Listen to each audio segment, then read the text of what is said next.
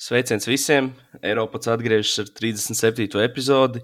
Šajā epizodē nedaudz parunāsim par, par Latvijas basketbola izlasi, kas turpina gatavoties pasaules kausa izcīņai, par, par pirmo tādu sastāvu atskaitīšanu, sastāvu izvēli, par, par iespējams arī prognozēsim turpmāko sastāvu izvēli, atskatīsimies uz pārbaudas spēlēm un, un nedaudz parunāsim arī par, par pasaules kausa pretiniekiem. Bet par visu, par visu no sākuma. Tad mans vārds ir eh, Kristians Dilants, un ar mani kopā ir mani ierastie kolēģi Valsts Nikitins un Norberts Strautiņš. Labrīt, Zēni! Labrīt! Čau! Es varbūt pašā ievadā vēlētos jums pavaicāt par, eh, par ziņu, kas pāršāls visu Latviju. Īstenībā ne tikai visu Latvijas basketbolu, arī, arī Eiropas un, un pasaules eh, basketbola ziņas pāršāls ziņa pirms pāris dienām, ka Kristofers Porziņš tomēr nespēlēs pasaules kausā. Kā jūs to uztverat? Nu, man liekas, tur jāsāk ar, ar Latvijas Basketbola Savienību. Jo tur, kad izskanēja pirmās šīs ziņas, ka viņš nespēlēs, tad tur, ja es nemaldos, tad Cipras kungs uzreiz teica, to, ka viss kārtībā. Kristaps teica, ka viņš spēlēs. Un, un gan es pieņemu, ka viņi bija informēti, ka viņš traumēts. Ja viņš nebija spēlējis tajā momentā, jau laikam viņš jau divas vai trīs pat nebija spēlējis pārbaudas spēles. Es tagad neatceros, kad, kad to izziņoju. Tas bija kaut kur ap... pirms Dominikānas, laikam. Nu, jā, tad divas spēles nu, viņš nebija spēlējis. Tas ir nu, trīs, principā. Tas neparādījās kā starp Dominikānas to pirmo spēli aiz slēgtām durvīm un otru. Ah, var, varbūt, jā. Varbūt, jā. Un tad, tad viņš tad tās trīs spēles nebija spēlējis. Un, un es nezinu, visi bija informēti, tad jau, ka viņš traumēts ir vismaz. Tev jau nav jāsaka, ka viņš spēlēs vai ka nespēlēs. Vienkārši tev tomēr mums kā Latvijas basketbola faniem nenāk pa ļaunu zināt to, ka kaut kas nav ar veselību viņam. Bet nu, mums centās iesaistīt, ka viss būs labi. Un te nu mēs esam. Nu, man liekas, ka šādas lietas arī negribas uh, uzreiz norakstīt. Piemēram, ja tev ir cerība, ka Kristaps spēlēs, jo nu, tu nezini, paspēs atlapt, nepaspēs. Ja tev ir tā cerība, tad tu negribi uzreiz uh, teikt, ka viņš tur nespēlēs vai kaut ko, vai stāstīt visiem, ka ir problēmas. Un tad, kamēr nav simtprocentīgi zināms, ka viņš nespēlēs, tikmēr neviens. Uh, negribu tā teikt, teikt ka, ka ir briesmas, ir uh, pamats uztraukumam un ka var arī gadīties tā, ka nespēlēs. Un, nu, es domāju, tāpēc, ka vienkārši Latvija uh, cerēja, ka viņš būs, un kamēr nav tā simtprocentīgi ziņa, ka viņš nespēlēs, tikmēr arī mēs ticam, ceram un gaidām, ka viņš varētu atgriezties. Bet, nu, diemžēl, nesanāca. Bet vienīgais, ko es gribētu tā nedaudz no tādas pozitīvākas šķautnes izcelt šajā sakarā, ka uh, varbūt tā pēdējā pārbaudas spēle pret Somiju bija tāda. Uh, negluži būt līdz galam objektīvi, jo nu, Somijam iespējams Markanens ir, nevis iespējams, bet Somijam Markanens ir krietni nozīmīgāks tajā komandā nekā mums Kristaps. Nesakot, ka Kristaps mums nav nozīmīgs, bet vienkārši tīri no tā, ka mums ir gribētos ticēt lielākas basketbola rezerves.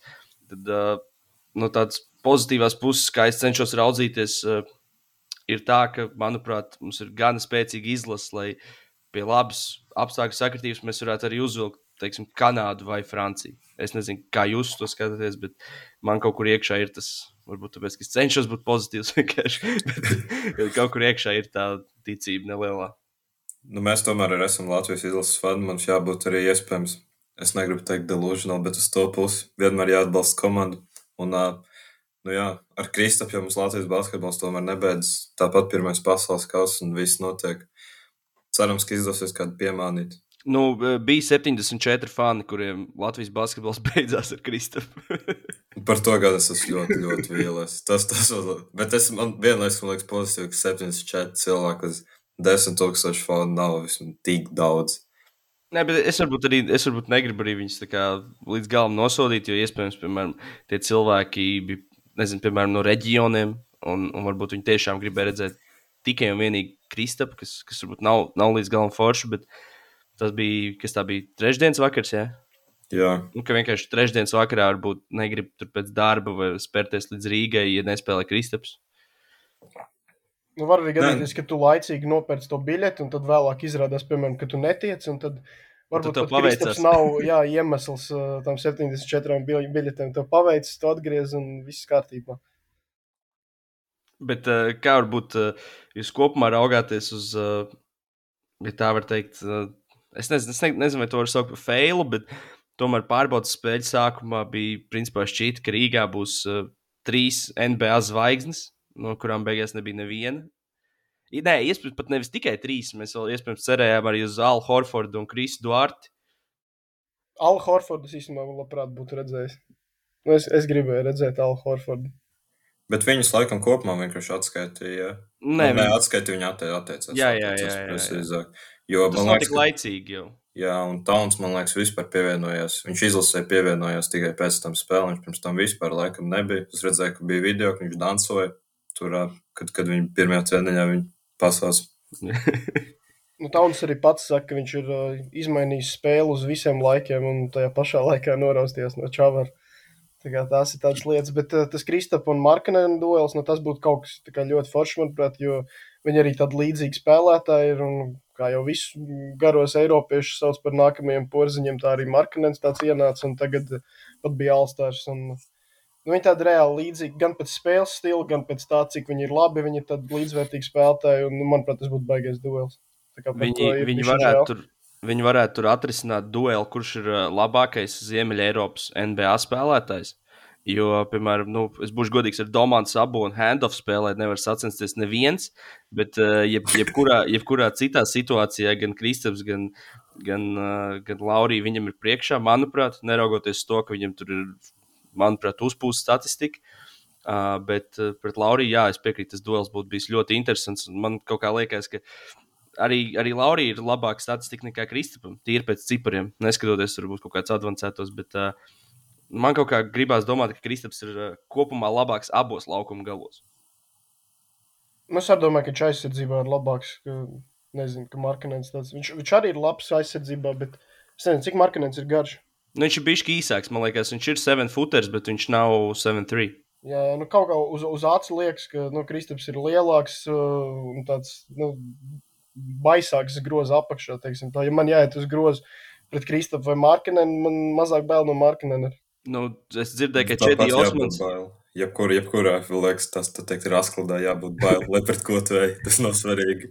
Nu, Es dzirdēju, ka Četī Osmans joprojām murgojot naktīs. Par to, par to, par to tā saucamo nakti arēnā. Jā, jā. Viņ, viņš arī viņš īsti nesaprata. Tu vari atrast kaut kādu caurumu Latvijas aizsardzībā, tad Osmans ierauga, viņš ir porziņš, viņš parāda, ka viss ka aizo ejiet ārā, un tad viņš iet un vienreiz, otrreiz, trešreiz visu laiku vienkārši atstāja Jaņos. Bet es nezinu, viņam nepielic. Un, un rezultāts, un, un Dāvis tika aizskan pretī iemet trojku no stūra, piemēram, un tika krājās plus 10, 20, 30. Tā mēs arī forši vinnējām viņus toreiz. Bet, uh, citu, paturpinot, varbūt uzreiz par, par Latvijas izlases rim protection. Protams, tur nu, nu, nav īsti diskusija. Kristaps ir pārliecinoši labākais uh, rim protektors, bet kas man ļoti patika, to tādā pārbaudas spēlē, redzētāji, tīpaši arī pēdējā pārbaudas spēlē, ka nu, nav tā, ka mums tā groza sargāšana beidzās līdz ar Kristapu. Kā manuprāt, ir principā Somijam. Viņiem, Jā. teiksim, nav markanens, tur, tur praktiski viss ir beidzies, bet Gražulis uzlika trīs blokus, Rodions kaut kur pieslēdzās, Gadgets var nobloķēt, Čavars arī var ik pa laikam uzlikt kādu bloku, es gan jau kādu vēl piemirstu. Vēl Arthurs Strautiņš atskrien dažreiz, arī uzliek jumtu. Jā, jā, jā. Nu, nav tā, ka mums grozs sargāšana beidzās. Protams, nav, nav mums spēcīgākais ierocis, bet nav tā, ka citi ir nespējīgi tajā Jā, jā. elementā. Ir vēl Andrzejs mums, kā, ja mums ir uh, ļoti liels un tāds uh, centrs ar garām rokām, kas var sargāt, tad uh, jautājums, ka vai viņš būs, kā viņam tur veselība, viss pārējais, bet nu, teorētiski viņš ir vēl tāds no nenosauktiem un tāds, kas vēl, nu, viņš vienu spēli nospēlēja un tajā viņš diezgan maz spēlēja. Nu, tā ir tāda rezerve, kur mēs varam vēl dabūt ekstra rim protection. Bet viņš tur ar, ar pāris piespēlītēm, vismaz manā acīs, tajā spēlē pret Dominikānu parādīja tādas jaunas šķautnes savā spēlē. Es pieļauju, ka viņš ir uh, Nikola Jokic highlights pētījis uh, vasarā diezgan Jā, daudz. vai mēs esam plānojami? Viņam arī īstenībā labi highlight re rekomendē kādam apstīties. Varbūt uzreiz par Masonu Plumlī. Viņš nav pirmā reize, kad viņš nav Amerikas izlasē desmit gadus laikā. Jā, bija pietrūks. Viņš un Harisons vērtības. Viņi abi divi vienmēr tur bija. Es nezinu, kā, bet vienmēr, vienmēr viņam tur sanāca. Un Žēl, ka bez viņiem šoreiz. Diemžēl.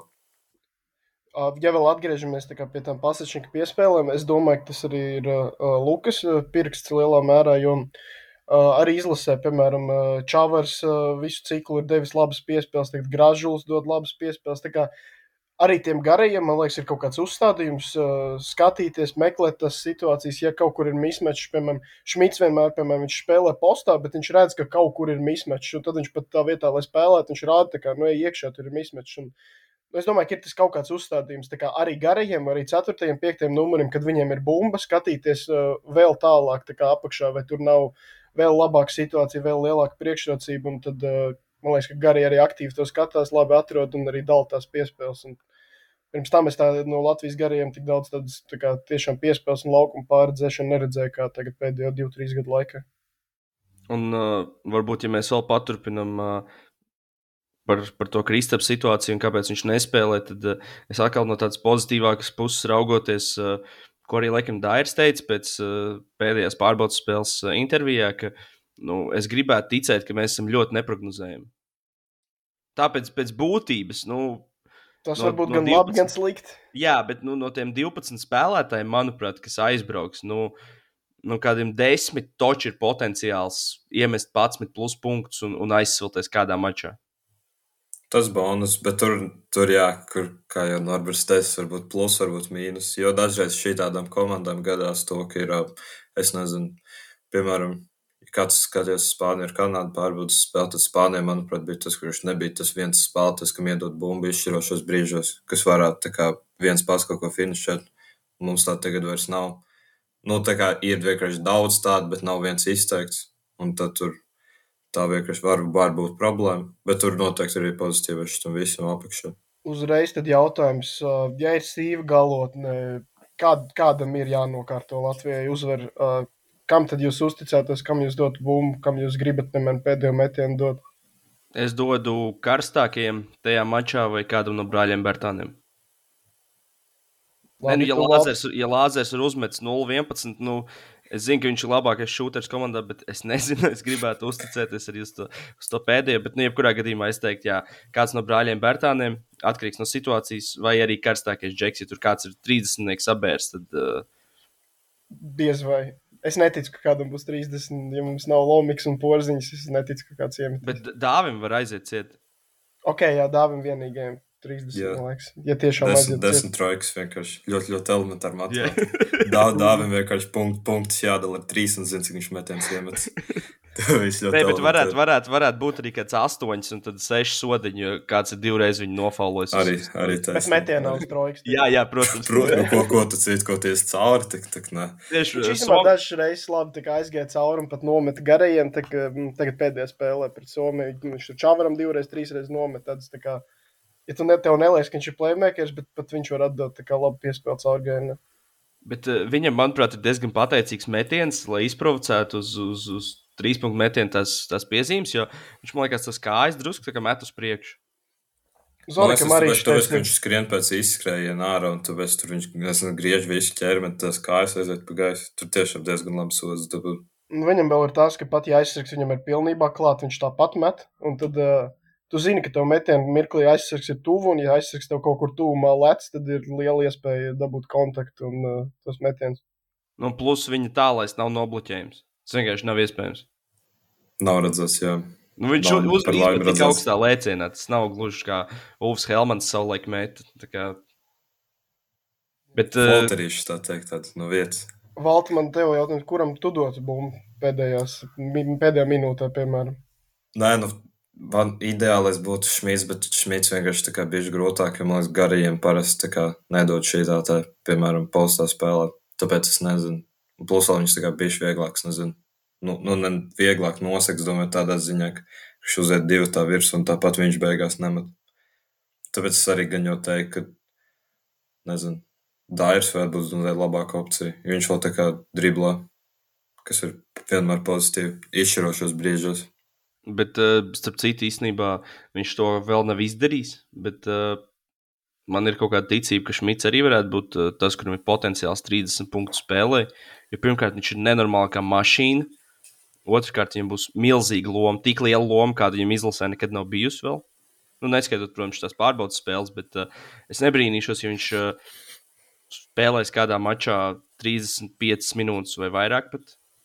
Nu, nē, viņi jau Luka izmantos tomēr visas 12, labi, 30 minūtes plus viņam būs uh, pret Franciju vai Kanādu. Uh, jo pret Libānu es ceru, ka mēs visi nokārtosim jau pirmajā puslaikā. Es domāju, ka otrajā. Un pret Franciju visi nokārtosim trešajā ceturdaļā. Un Kanāda. Tur būs uh, tā valta teorija, ka ir pēdējās 5 minūtes, mums ir plus 10. Un tad spēle būs jau beigusies. Tas arī Ok. dara. Tas mēs, jau, tu mēs ejam, ejam, Trīs ejam uzvaras. Jā, ejam ar trīs uzvarām. Un tad ā, pretī nāk, jā. jāuzvar. Brazīlija, Brazīlija. Nu, nē, bet tur jau ar abām nav jāspēlē. Ir, ir, ir. Kā ar Man liekas, abām? kad iziet no grupas, iziet tā kā divas. jā, jā, no divas katras grupas, un tad un- Ah, spēlē. jā, jā, jā. jā. Nu, tad Spāniju un Brazīliju uzvaram vēl. Nu, labi, nu, zini, kas tur Spānijā tur veterāni, tur kaut kāds jaunais nuņģis. Kas tur Jā, ir? jā. vispār? Julis ar Pārāk NBA atkal kārtējo reizi. NBA rezerves centri. Nu, kas tur vispār ir tie sastāvdaļas? Nu, Kā jau vienmēr atkal. Nu, šaubos, vai no grupas izies. tas Nav tur nekā tas Nav Spānija. tur nekā. Bet labi, kaut kas tas Spānijā, kaut kas viņam tiešām tur, es nezinu, kas viņam tur strādā. Jo arī pēc sastāvā skatoties, viņiem tagad, es nezinu, tu salīdzini, kad viņiem bija tagad spēles pret ASV vai Kanādu, un tagad pēc vārdiem tur nevajadzētu būt daudz variantiem. Es, es pieņemu, piemēram, ka kanādieši iznāca laukumā vai amerikāņi ierodas Alberto Diezu un nesprat, kas tas ir vispār, ko mēs darām. Bet viņi kaut kā vienmēr uzvar. Tas pats bija U izlasēs. Visur viņi uzvar. Es nezinu, kā. Nē, es, es godīgi domāju, ka tā atšķirība nav tik liela, kā mums varbūt liekas. Jo, piemēram, rekur, labi, mēs par Eirolandu vēl runāsim, bet uh, ir vairāki roleplayeri pārcēlušies uz, uz Eiropu šajā starpzonā. Piemēram, uh, Franks Džeksons ir Asvelā, PJs Dožers ir, uh, ir Partizānā, Franks Kamīnskis arī Partizānā. Nu, tur vēl var saukt, labi, Kemba nav gluži roleplayers, bet nu, tagad jau pēdējā sezonā viņš tāds bija principā. Mm, Es nedomāju, ka tur īstenībā ļoti individuāli tas viss jāskatās, bet uh, es domāju, ka vairumam nebūs ne tuvu tur kaut kāda supercipara vai kaut kas tamlīdzīgs. Un jāskatās individuāli, jo tad ir tāds šabāts nepieris, kurš atnāk un, un pirmajā pusgadā principā kļūst par vienu no labākajiem saspēlniekiem Eiropā. Jā. Un tāpēc es domāju, ka, ka kopumā būtu jā, tā, tā atšķirība starp tādiem, jo tie visi paši spāņi spēlē ļoti augstā līmenī. Nu, Es arī piekrītu par to atšķirību starp E- Eiropas kā, un NBA spēlētājiem, piemēram, tādā FIBA turnīrā. Nu, Piemēram, ko jā, tas arī gribi savā- svarīgi. Tas ir svarīgi. Jā, jā, FIBA ko tu labāk gribi savā komandā? Viduvēju NBA spēlētāju, piemēram, vai Nando de Colo. Kam tu uzticies vairāk? Es pat nezinu, kas ir labāk. Un kas būtu, kas ir viduvējs NBA spēlētājs? Nu, tagad padomāšu. Nē, saprotu. Tie viduvēji NBA Kaut kāds, kaut kāds spēlētāji. ķip Kēms Redičs, tā kā kaut kas tam līdzīgs. Es nezinu, es nezinu, ja godīgi kādu viņam ciparu, varbūt viņš ir borderline alstars. Nu, piemēram, cik tas informācijas Ah, nebija. ok, ok, man ir, uh, man ir izcils salīdzinājums. ar, Piemēram, ko ņem FIBA basketbolā, Grant Williams vai Geršona Jabusel? es pat nezinu. Varbūt, ka Nu, Geršo. Vai ba basketbolā tieši vai, vai, vai kaut kādā cīņas sportā? Nē, nu uz, uz šitā te, uz, uz kā tā tam īsi saucās, ja tas paklājs. Jā, man liekas, kaut uz kas tā tam īsi ņem Geršonu. Jā, jā, pa, parte, partnerī viņš noteikti labāks ir. Bet, Arī ringais viņa jau ņēma. bet man liekas, arī tā kā reālā basketbolā, es domāju, ka tā kā jābūs vēl īpaši daudz neatpaliek no Viljams. Jo man liekas, es nezinu, Viljams, es redzējis, ka viņš met, vai viņš var būt viņš jauks. met. Met, met, met, met, met viņš. Nu, nav snipers, bet viņi tā kā bieži atstāja brīvu, un tad viņš, piemēram, dažreiz pat iemet 6 trojkas, jo viņam vienkārši ļauj uzmest 12. Nu, tādā garā. Nē, tur, protams, eh, fizikalitātē tur neviens nevar sacensties ar, ar, eh, ar, ar kanādiešiem, amerikāņiem. Bet eh, es tiešām domāju, ka FIBA basketbolā tā atšķirība vairs nav tik liela. Protams, tur talants, protams, ir, ir krietni lielāks un tā tālāk, bet uh, ar to visu var cīnīties. Un, un vēl kas, kāpēc, manuprāt, ir, ir ļoti sāpīgi, tomēr arī kāpēc nav Kristaps, un, un tas atkal par to mūsu izlases neprognozējumību. Vakardien Tauns nospēlēja pirmo spēli, pārbaudas spēli pret Kanādu. Viņš iemet 20 punktus, un viņi uzvarēja. Un, ja mums būtu viens kanādiešu līdera līmeņa basketbolists, pie tam garajā galā, kur, kur es domāju, viņš savu bijušo komandas biedru Dvaitu Powell, tā žargonā sakot, vienkārši vazātu. Es, es domāju, ka būtu krietni labāk, jo es arī redzēju šorīt no rīta tos kaut kāds tauns highlights bija šī, un uh, nu, viņš reāli, viņš, viņš driblēja pats, viņš pēc, pēc crossoveriem met tālos no 9 metriem iekšā. Un, nu, tur vispār neizskatījās pēc tā tauns, kas ir NBA Uh, viņš izskatījās tiešām pēc kaut kāda tāda small forward, ļoti gara. Un, uh, jā, tāpēc, tāpēc varbūt drusku žēl, ka, ka nebūs Kristaps tādā spēlē pret, pret Kanādu. Lai gan viņš dosies līdz izlasēji uz, uz, uz Taivānu. Uz à, viņš arī lidoja. Viņš arī lidoja, jā, tāpēc, okay. ka tur bija, kā es sapratu, ir uh, uh, tas turnīrs tagad Taivānā. Tiem, tiem Tur viņš nav, ja, un Indonēzijā būs. Nē, nē, nē, nē viņiem bija nenormāli svarīgi. Nu, kā tur jau bija, viņš jau bija iefilmējis tur tos reklāmas video, ka tur, hi, my name is Kristaps Porzingis from Boston Celtics, I'm, I'm coming to Taiwan, uh, viss šo te.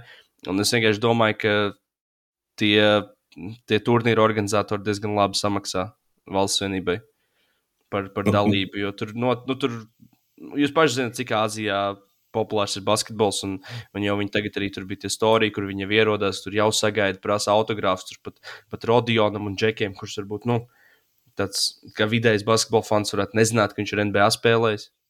Jā, nu, no Azijā, az, Azijā. Jā, jā, jā. Kopumā viņš ļoti, ļoti mīl basketbolu. Jo un tiešām Rodionam es ļoti šaubos, nu, tā kā visi ceļ Rodionam, bet es šaubos, ka viņam Latvijā kāds prasītu autogrāfu. Nē, es redzēju, prasa, ka viņš. Nu, nē, prasa, prasa, viņš beidz. Nu, es, nu... Ir dzirdēts arī, ka uz krūtīm prasa. Ir redzēts arī. nav, nav, nav. bet, bet dāmas ne vīrieši, kas arī svarīgi pieminēt. Kaut kad varētu arī vīrieši.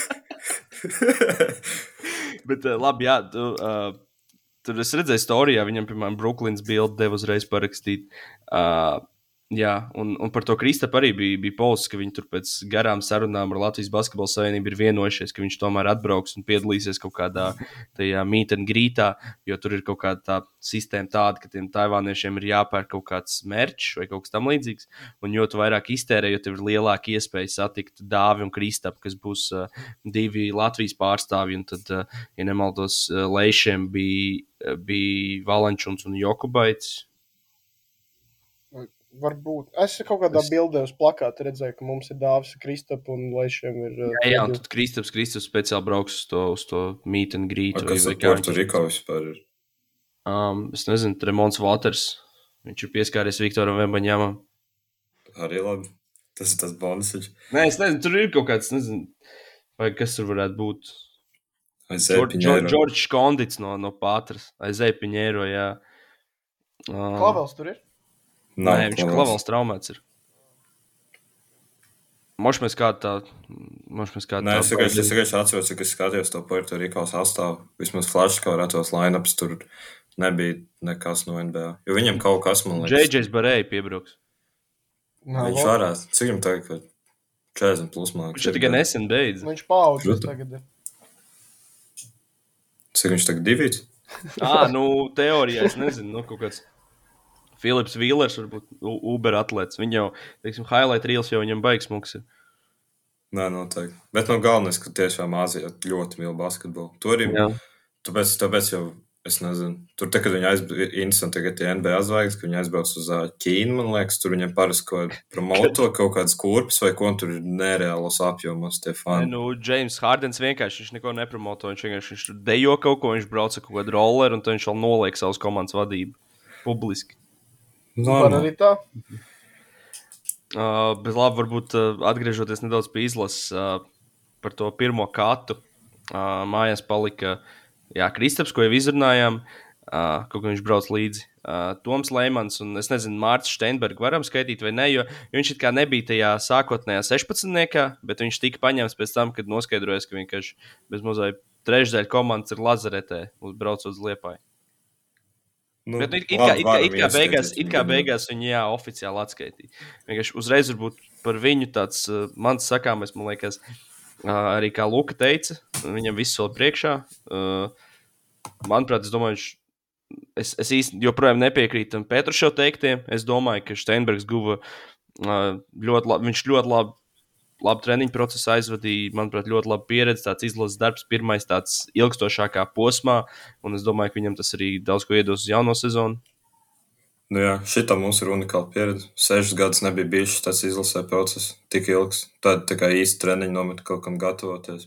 Tikai es domāju, ka viņam noteikti, es nezinu, es domāju, viņam arī nebija baigā, baigā škroba to, ka viņi spēlēs īsti nelaid laukumā. Jo tas pieņem, ka tas jau bija ar viņu arī atrunāts. Tāpēc es domāju, ka jā, viņam, viņam noteikti laba pieredze. Viņam arī tiešām visu vēl priekšā. Arī lab, labs klubs tomēr kaut kā izveidos labu karjeru. Un tad jau pēc pāris gadiem būs jau, būs jau pamatvērtība izlasē.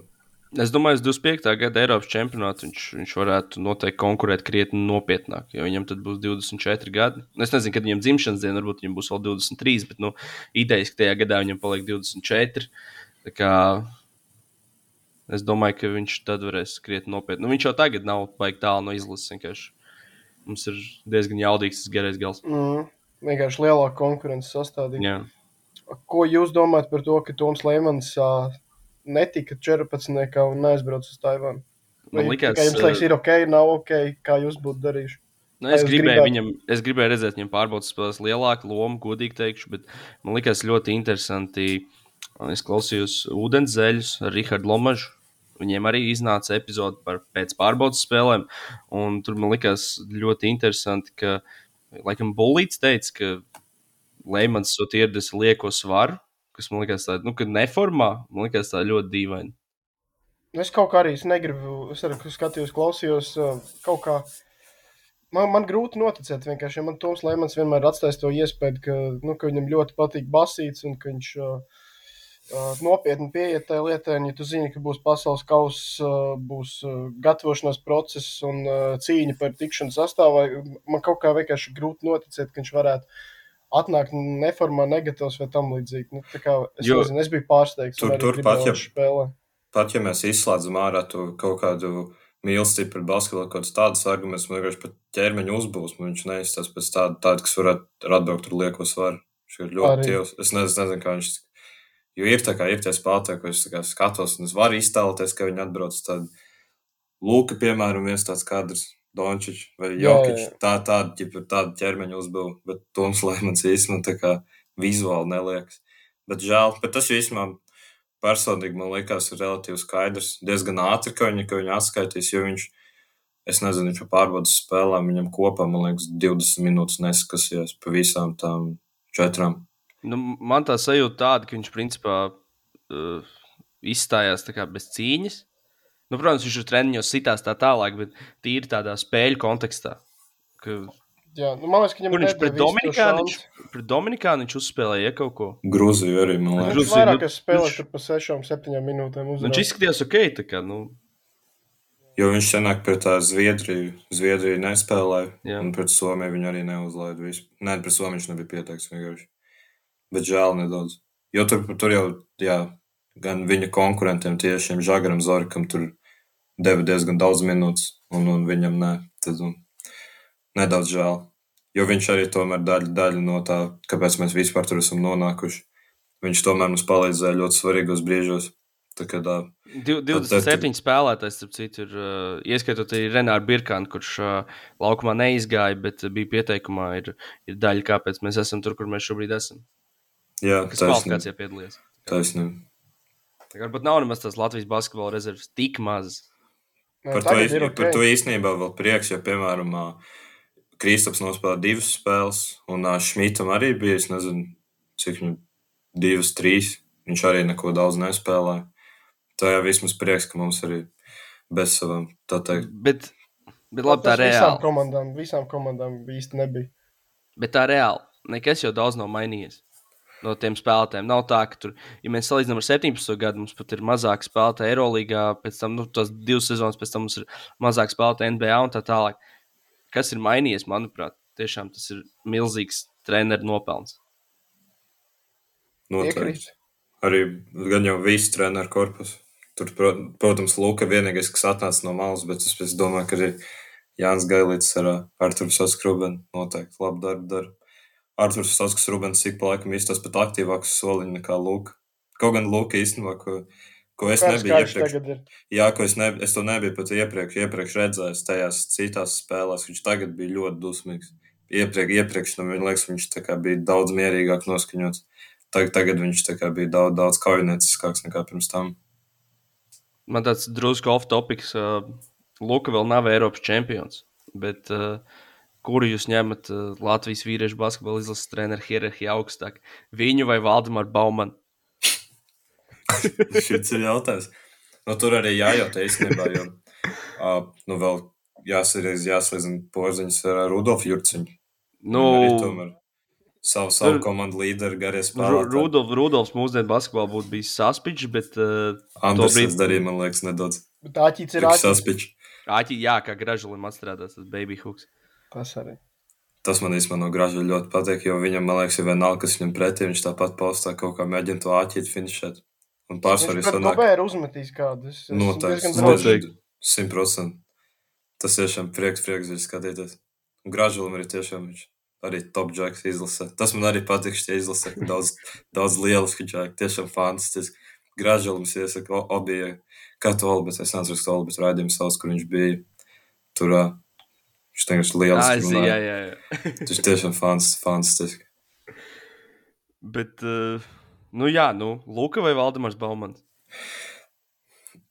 Pēc ekolēdiem tā teikt, Valdemars Baumans. Viņš jau uz Olimpiādu ved komandu, ja nemaldos.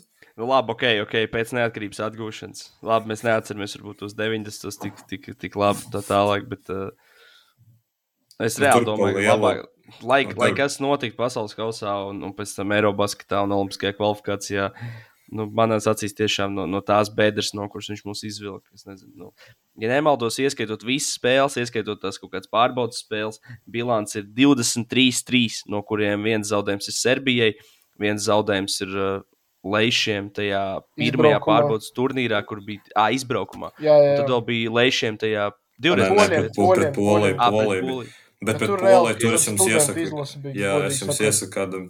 Tur pirmkārt viņas tā bija, man liekas, viņa pati pirmā spēle. Un viņa vēl zaudēja overtime pret Polijas sastāvu, kas, man liekas, tajā momentā. Es nezinu, kā, kā viņi tur gatavojās toreiz, bet viņiem bija zaudēts sastāvs un mums bija tāds vietējā čempionāta sastāvs. Un tāpat tiek līdz overtime. Tā kā kaut kā mēs beidzot uzvaram spēles, Ādams arī lāstu varbūt noņems. Kaut gan labi, tagad ka- nāks nopietnākie pretinieki, tas arī ir fakts. Nē, nē, protams. Man liekas, vēl tā pozitīvā ziņa, ja tā kā kādreiz mēs būtu ieraudzījuši tur Franciju, Kanādu pretiniekos, liktos, tā kā, nu, bļāviens, nu, nu, tik grūti, nu, kaut kādas izredzes ir, bet, nu, nereāli grūti. Tagad, nu, stili ir grūti, bet es ticu daudz vairāk nekā kādreiz, un ar visu to vēl, ka mums ir, reku, trīs gan, gan arī galvenie spēlētāji, Lomačs, Strelnieks, Porziņš ārā, un tik un tā, tev, tev ir kaut kāda tā ticība, ka, nu, nav jau tik traki, nu, var sanākt un vēl viena spēle, un, Nu, tieši tāda, man liekas, tā kā gan, gan izlasē, gan skatītājiem, visiem ir tā ticība, ir kaut kādā bišķiņa citā līmenī nekā kādreiz. Un, Nu, izņemot 74 cilvēkus. nu, nu, jā, bet labi, varbūt, varbūt kāds apsveic vai vēl kaut ko. Labi, teiksim tā, nu vismaz 40, plus mīnus. Jābūt Ok. okay. tādiem, kuri kur netic. Nē, labi, es, es tiešām gribētu cerēt, ka vairums tic. Galvenais, lai Džeki paši sev tic, kas, manuprāt, nav. Tā nav baigā problēma. Es domāju, ka viņi sev diezgan tic. Es domāju, ka būs tikai, reāli tā viena spēle, un tas, tas tie uzvārdas papīri, tas arī, nu, tam, man, man liekas, nav, tam nav tik liela nozīme. Nu, piemēram, Šmitam var iekrist trīs trojkas, un, piemēram, Fornē var nomest garām visas savas, un jau rekums ir desmit punktu atšķirība. Vēl kaut kas, nu, tā kā reāli tev vienkārši iekrīt pāris metienu vairāk nekā pretiniekiem, tas momentums aiziet, jā. Nu, tur reāli viss var notikt. Tā, nu, līdz, ja, ja mums būtu sērija līdz četrām uzvarām, mēs diezgan, diezgan grūti būtu, teiksim tā, bet tagad tā viena spēle, nu, nu reāli var, reāli var. Vienīgā lieta, kas man nepatīk šitajā, ir to, ka vismaz man neliekas, ka mēs esam redzējuši tās pārbaudas spēlēs mūsu pret pavisam, pavisam nopietnu pretinieku. Somija iespējams būtu bijis tuvākais tam, bet viņi, viņi jā, bez, bez Markana nebija tā pati komanda. Tad tas man tā kā Nu, pagaidām. Grūzija, Grūzija bija pilnā sastāvā. Nu jā, bet nu Grūzija, nu Francija.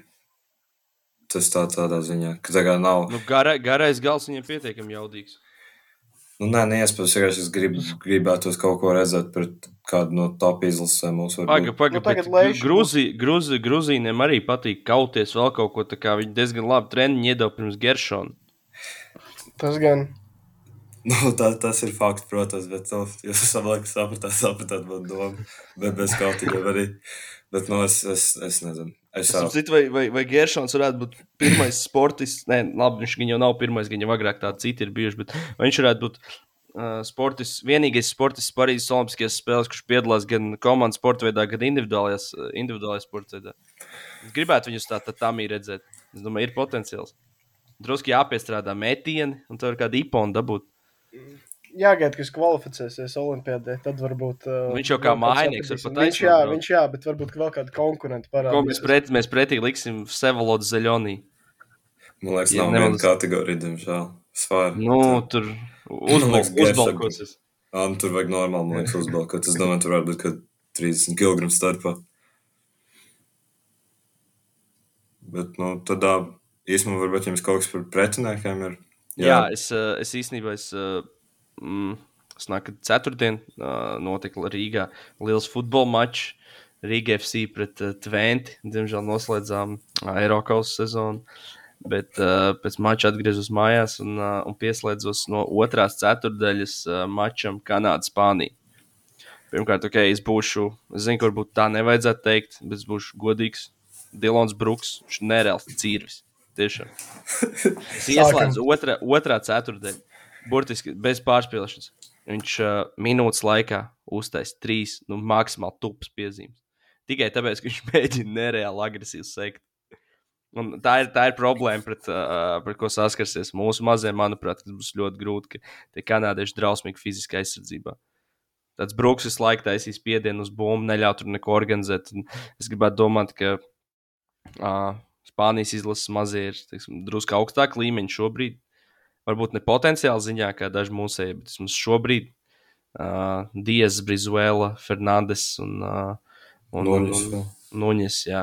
Uh, viņiem bija diezgan grūti, bet uh, jā, Dilons Brooks aizrāvās arī ar ļoti daudz stulbiem metieniem, uh, kas mums ir plus. Uh, kopumā tas, ko es redzēju no tās Kanādas, uh, viņiem kopumā es teiktu, patīk tas NBA stiliņš, arī tas pats šeit. Viņš ieliek tur divus metienus, viņš pēc tam ņem arī trešo uzbrukumu uz sev un var uzmest kaut ko tādu netik, netik labu, teiksim, kā, kā varētu atrast, nezinu, kādu partneri vai kaut ko tam līdzīgu. Mm.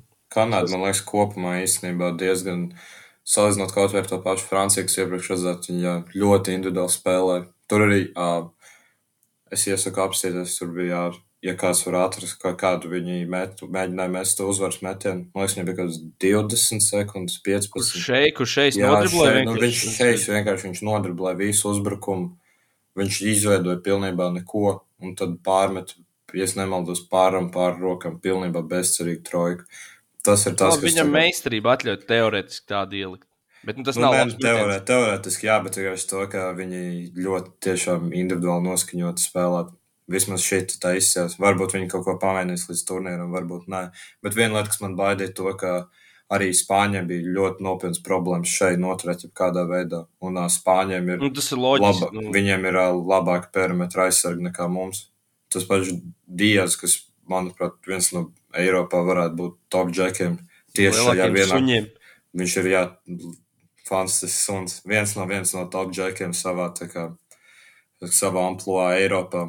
Un viņam tur, tur baigi daudz variantu nebija. Nu, tā kā nevis, ja tā kā šeit diezgan viegli varētu tikt garām. Un mēs, Nu, Labi, diemžēl, viņš, vis, viņš visiem ies diezgan viegli garām. Tas ir fakts, un tur neko nevar izdarīt. Principā. nu, jā, tur tā lieta, ka mēs, mēs nevaram arī tik labus Pagaid, likt viņš, viņš, nebija top scorers pagājušajā sezonā NBA. Ne, Embijs bija, man Nu, liekas, pār 30 beigās. Viņš met. Viņš met pār 30 Ā, punktiem. Embīts NBA. laikam bija, ne? Man liekas, ka Embijam bija šis 30 arī, jā. Nu, labi, bet jebkurā gadījumā vēl kas, ko es redzēju no tās Kanādas, uh, viņi grib, viņiem ļoti patīk arī ātri uzbrukt, bet viņiem ļoti nepatīk atgriezties aizsardzībā. Mums īstenībā viņi- dažreiz arī pret Somiem bija šī problēma, ka pirmajā ceturdaļā, tad, kad Somija visu laiku ātri iesāka uzbrukumu, un mēs nepaspējām pat tikt atpakaļ. Nu, tas man, es to redzēju, ka tad mīnus viņa vēlāk, tad jau mēs, tā kā mēs paši uh, iemetām uzbrukumā, tad Somijam vairs nebija ātrie, jau un viss bija kārtībā, bet, uh, nu, sākumā man likās, ka mēs arī neskrienam atpakaļ, un pret tādu Kanādu tas ir vēl citādāk nekā Somija, tā kā cerams, ka būs viss kārtībā ar to. Nu, vēl kas mums ir pozitīvi. Man izskatās, ka kanādieši diezgan slikti komunicēja aizsardzībā, pie blokiem un tā tālāk, un arī pie, pie lielas bumbas kustības. Viņi diezgan, diezgan pazuda. Un Tur varēja tikt pie brīviem mētēniem, kur spāņi salika. Un, principā, jau viņi paši to spēli beigās arī nolēja. jā. Bet, eh, ja es esmu. Uh, kā, kā labāk šo vārdu ieteikt? Kad es kā Latvijas izla- izlases līdzekļs, es gribu, lai Dilons Brooks spēlē pirmo violu, viņam visu laiku ir bumba. Man nav ne mazāko šaubu, ka viņš ir vienkārši lielākais racējs savā komandā. Man liekas, man Racējs, liekas, racējs nevis tā, kā mēs parasti Šmits, to bet uz kāpļiem, jā, bet vienkārši tiešām godvārds, vienkārši, nu, es ļoti atvainojos, bet reāli cīrvis tiešām, nu, es domāju, viņš savu Man- pietiekumu apliecinājis jau ar NBA ar visu to, ko viņš dara un tā tālāk. Nu, tur, es tiešām, es gribu bumbu viņam katrā uzbrukumā, katrā uzbrukumā vienkārši dara visu. Tev pa. Kanādas treneru vienkārši. Es, es tiešām, es, es varu viņam iedot kaut kāds padoms, ja vajag. Man liekas, tev tā sevi ieslēdzas gan, gan tas, ka tas Latvijas izlases fans, gan arī tas iekš, iekšējais bronzas sekšāls, tā Jā, saucamais. jā, jā, es tieši Uzreiz, uzreiz kriet, krietni vairāk asins uzsit augšā. Nē, bet godvārds Dilans Brooks ir drausmīgs. Jo Atcerieties, kā Denis Šrēders ir čakarēji. Tur bija skaists video. Jā, Plus maksimāli pretīgi, kur Šrēders no kornera met tālo, un viņš vienkārši viņam pa pirkstiem vienkārši uz, uzšāja speciāli. Nu, reāli pretīgs spēlētājs. mm -hmm. Nu, cirvis. Bet, nu, Viņš ir tāds, es teiktu, ka, labi, Patriks Beverlijs savu podkāstu man līdz mainīt domas par sevi, bet viņš tāds reāli Patriks Beverlijs, tāds pēctecis. Tas nākamais nāk iekšā jaunais. Es reku dabūju līgumu, dabūju naudu, Hjūstonā būs. Kādam vienmēr tādus vajag reāli. Jā, bet es pieļauju, ka viņam tas pēdējais lielais līgums tiešām pirms Ķīnas, jo es nezinu, kas notika ar Houstonas Rockets to analītiķu nodaļu, ka viņi vai nu viņiem nezinu, nebija pieeja kaut kādam institutam vai kaut kam, vai, vai kam, ka viņi galīgi nebija izpētījuši, ka tas ir Džeks, kurš vienkārši meta 35% viņš sezonas laikā var uzbūvēt vēl vienu arēnu viņiem blakus. Tur. varbūt tas ir mērķis, varbūt viņam vajag reāli, es, es godvārds, ja viņš spēlē 40 minūtes, viņam ir bumba katrā uzbrukumā, mēs reāli uzvaram to kanālu pa 20. Tad, tad jā, tad tam es ticu. Tad, jā. bet es Bet kaut kā diemž- domāju, ka tas ir zīmējums. Nu, jā, jā, protams. Diemžēl skeptiski skatos šādu Es, opciju. es, es te drusku aizrāvos, sorry. Bet tā, ja par La Latvijas-Kanādas dueli tieši jārunā, tad man liekas, ka tā mūsu vienīgā cerība arī ir tā, tā kā, teiksim, tā, Dilons ka- Brooks. Nu, arī, bet uh, nu, Kanāda noteikti ir individuāli meistarīgāki. Es īsti arī neredzu, kā mēs šeit varam nosakt. Uh, nu, nezinu, nu, nav mums tik labi tie perimetri aizsargi. Mums ir Arthurs Kurts, kas cīnās, bet redzēsim, vai viņš vispār būs un cik daudz spēlēs. Un, jo tāds Žagars Zorika, lai cik viņi ir talantīgi, prasmīgi uzbrukumā un var visu kaut kā pagriezt to spēli, bet uh, nu, es neticu, ka viņi nosaks vienkārši šeit, ka viņi tur atstās šeit, piemēram, sešiem punktiem. Un tad tā mana cerība ir, ka mēs ar to aizsardzību, ar uh, komunikāciju, ar komandas darbu, ar rotācijām kaut kā mēs apturēsim Kanādas to individuālo spēli un tad uzbrukumā tieši izčakarēsim tieši reāli uz, uz chemistriju, uz runāšanas komandas spēli. Tā kā, piemēram, ja kādreiz finālos tur spēlēja, piemēram, Spurs pret Miami, ja? nu, ok, Spuriem arī bija uh, labi spēlētāji, bet tikai tur Lebrons veids, vēl kaut kas. Vienīgais, reāli, kā viņš var uzvarēt, tā ir komandas spēle un tad arī komandas aizsardzība, lai apturētu šos superstars. Tad mums ir kaut kā līdzīgā veidā tos kanādiešus piesist. Man jautājums speciāli izvēlējies fināls, kur Lebrons spēlēja. Nē, man vienkārši vajadzēja individuāli ļoti, ļoti meistarīgus spēlētājus. Un, O, o, Tāpēc pareizi, pareizi. es kaut, kaut ko gribēju teikt, man izkrīt no galvas, tikai es pateikšu, ka es atcerēšos. Bet, nu, tā, es, es, es ļoti ceru. Man, man, tā, man tās spēles, ko, ko es tiešām pret Spāniju redzēju, man, es nezinu, kaut kādā veidā man tā kā, man, ā, es nezinu, es to Kanādu biju bijis citādāks iztēlojies pirms tam, nekā, nekā kā viņi reāli spēlē. Bet tā, es arī, es piekrītu, redzu kaut kādus variantus. Tur, Kā es, es, es atcerējos, tātad tu par Arthuru, kurus teici, kurš ir mūsu labākais perimetra aizsargs. Uh, labi, tie ir divi dažādi līmeņi spēlētāji, bet viņš reāli apēdis Asu Salinu, jā, man ļoti, ļoti, patīk. ir uh, ļoti labi. principā šobrīd gan jau ka meistarīgākais uh, somu mazais. Nu, tīri, tīri šobrīd, neskatoties pēc potenciāla vai kā, jo tur ir citi džeki. Uh, un, un otra lieta, kas bija interesanti vēl šeju, būs interesanti vispār redzēt, ko Luka būs izdomājis viņam likt pretī. Jo uh, Skarijolo tajā mačā tieši viņš uh, principā izlaiž cauri, man liekas, kāds 5-6 spēlētājs šeit. Tur sēdz visi mazie pēc kārtas, un tad bija gan arī Usmans Giruba un pār arī uz viņu. Man liekas, ka mēs varētu vienkārši switchoties visur, lai viņš tā kā nevar ieskrieties, lai pick and roll, lai viņš sagaida, tad šmits vai gražulis, un tad, tad vienkārši dzīvot ar turpinājumu, kā būs, būs. Viņš man liekas, ir. Es arī nezinu. Viņš ir tik vēl... meistarīgs, tiešām tik, tik meistarīgs. Un plus vēl nav tā, ka viņš ir vienīgais tur. Un, un kas īstenībā man, man ļoti patīk, ir tas, ka nu, es neesmu skatījies nekādus avansētos statistiku un tā tālāk, bet man pēc sajūtām liekas, ka, piemēram, Arģis Berets arī ir tas ļoti neefektīvs spēlētājs. Un tad, cik es redzēju, tur arī viņš tur mēģina kaut ko postēt, un, un met kaut kādas griežās to savu kreiso, un met kaut kādas ļoti grūtas metienas. Ar Arģiju Barretu un, un Dilonu Brooks mēs sadzīvosim. Vienīgā problēma jā, jā. varētu būt tad, ka, ja ir tā, kā bija Arģēnam Barretam, laikam, pret Vāciju, kur viņš 13 no 14 no spēles iemet, tad ir slikti. Bet, ja viņš tā izdara vienā no desmit spēlēm, tad vienkārši mums jācer, ka mēs spēlējam ties deviņas. Jā, Cer, jā. Talants jau tai komandai atļauj, principā. Nu.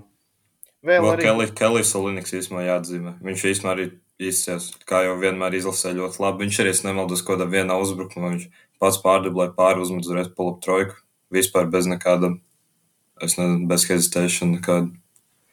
Vēl arī atgriežoties pie tā salīna, man liekas, ka kā uh, aizsardzībā, kā aizsargam, tās ir divas dažādas lietas.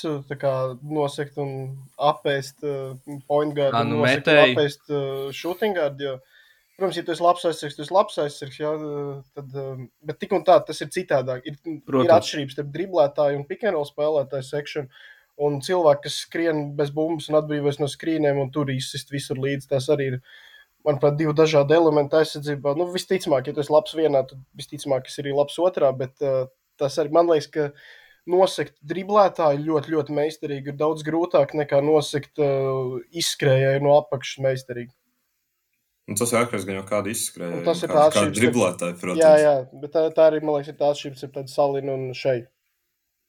Nu, nē, nē, protams, salins un šeit nav tomēr viens un tas pats, jo, nu, ja Salins būtu kā šeit, viņš arī NBA mēs 30. Nu, paga, paga, paga, vai šeit Gilģis Aleksandrs ir iemetis 25 punktus Kanārijas salu derbijā?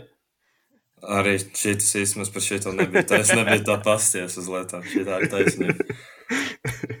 Bet labi, labi, joks, protams. Bet, nu, kopumā tā Kanādas izlase tiešām vismaz kaut kādu optimismu raisīja, jo viņam arī par to Vācija, es viņu, ja nemaldos, divreiz spēlēju vai vienu reizi. Divreiz, divreiz, vienreiz uzvarēja, vienreiz zaudēja. Nu jā, un tad viņi vēl tie Dominikai zaudēja, un tad tā Spānija bija overtime. Tāpēc vismaz pagaidām viņi arī labi viņi spēlē pret labām izlasēm, bet nav, nav tik pārliecinoši.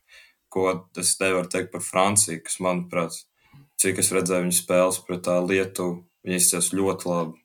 Vienīgais, kas viņam bija, viņa nedaudz ar to savu plānu nosaukt 12, bet divus mēnešus ātrāk nedaudz ieberzās, jo tas īsti nestrādāja.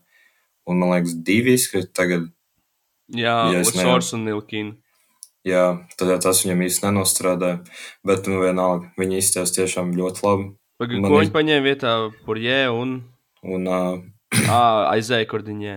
Jā, jā.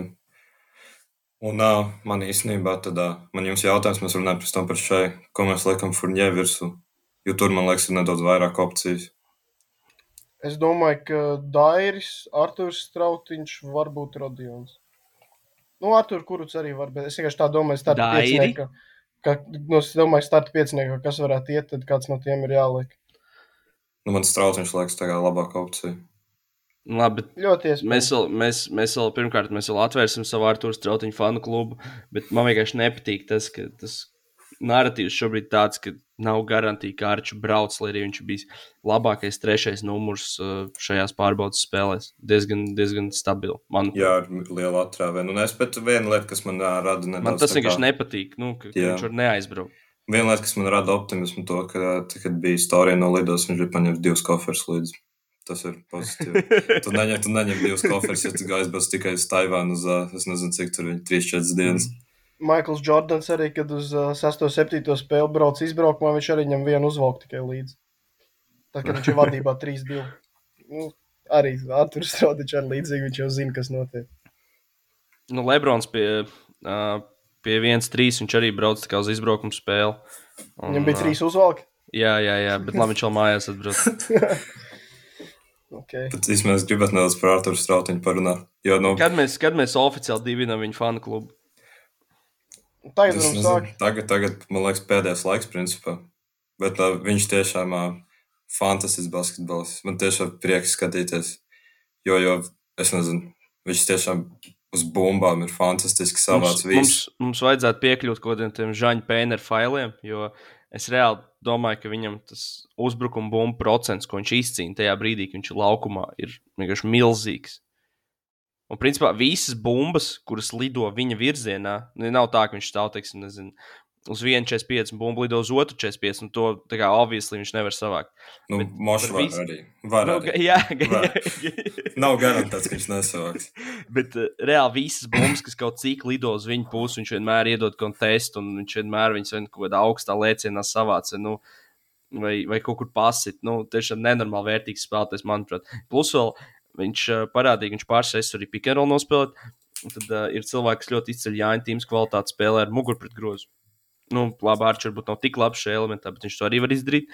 Un, uh, plus, man liekas, viņš, viņš pārlieku neforsē lietas uzbrukumā, un viņš nav tas, kuram, kuram vajag ļoti daudz tačus uzbrukumā, kas šajā mūsu modelī, manuprāt, nodara lieti.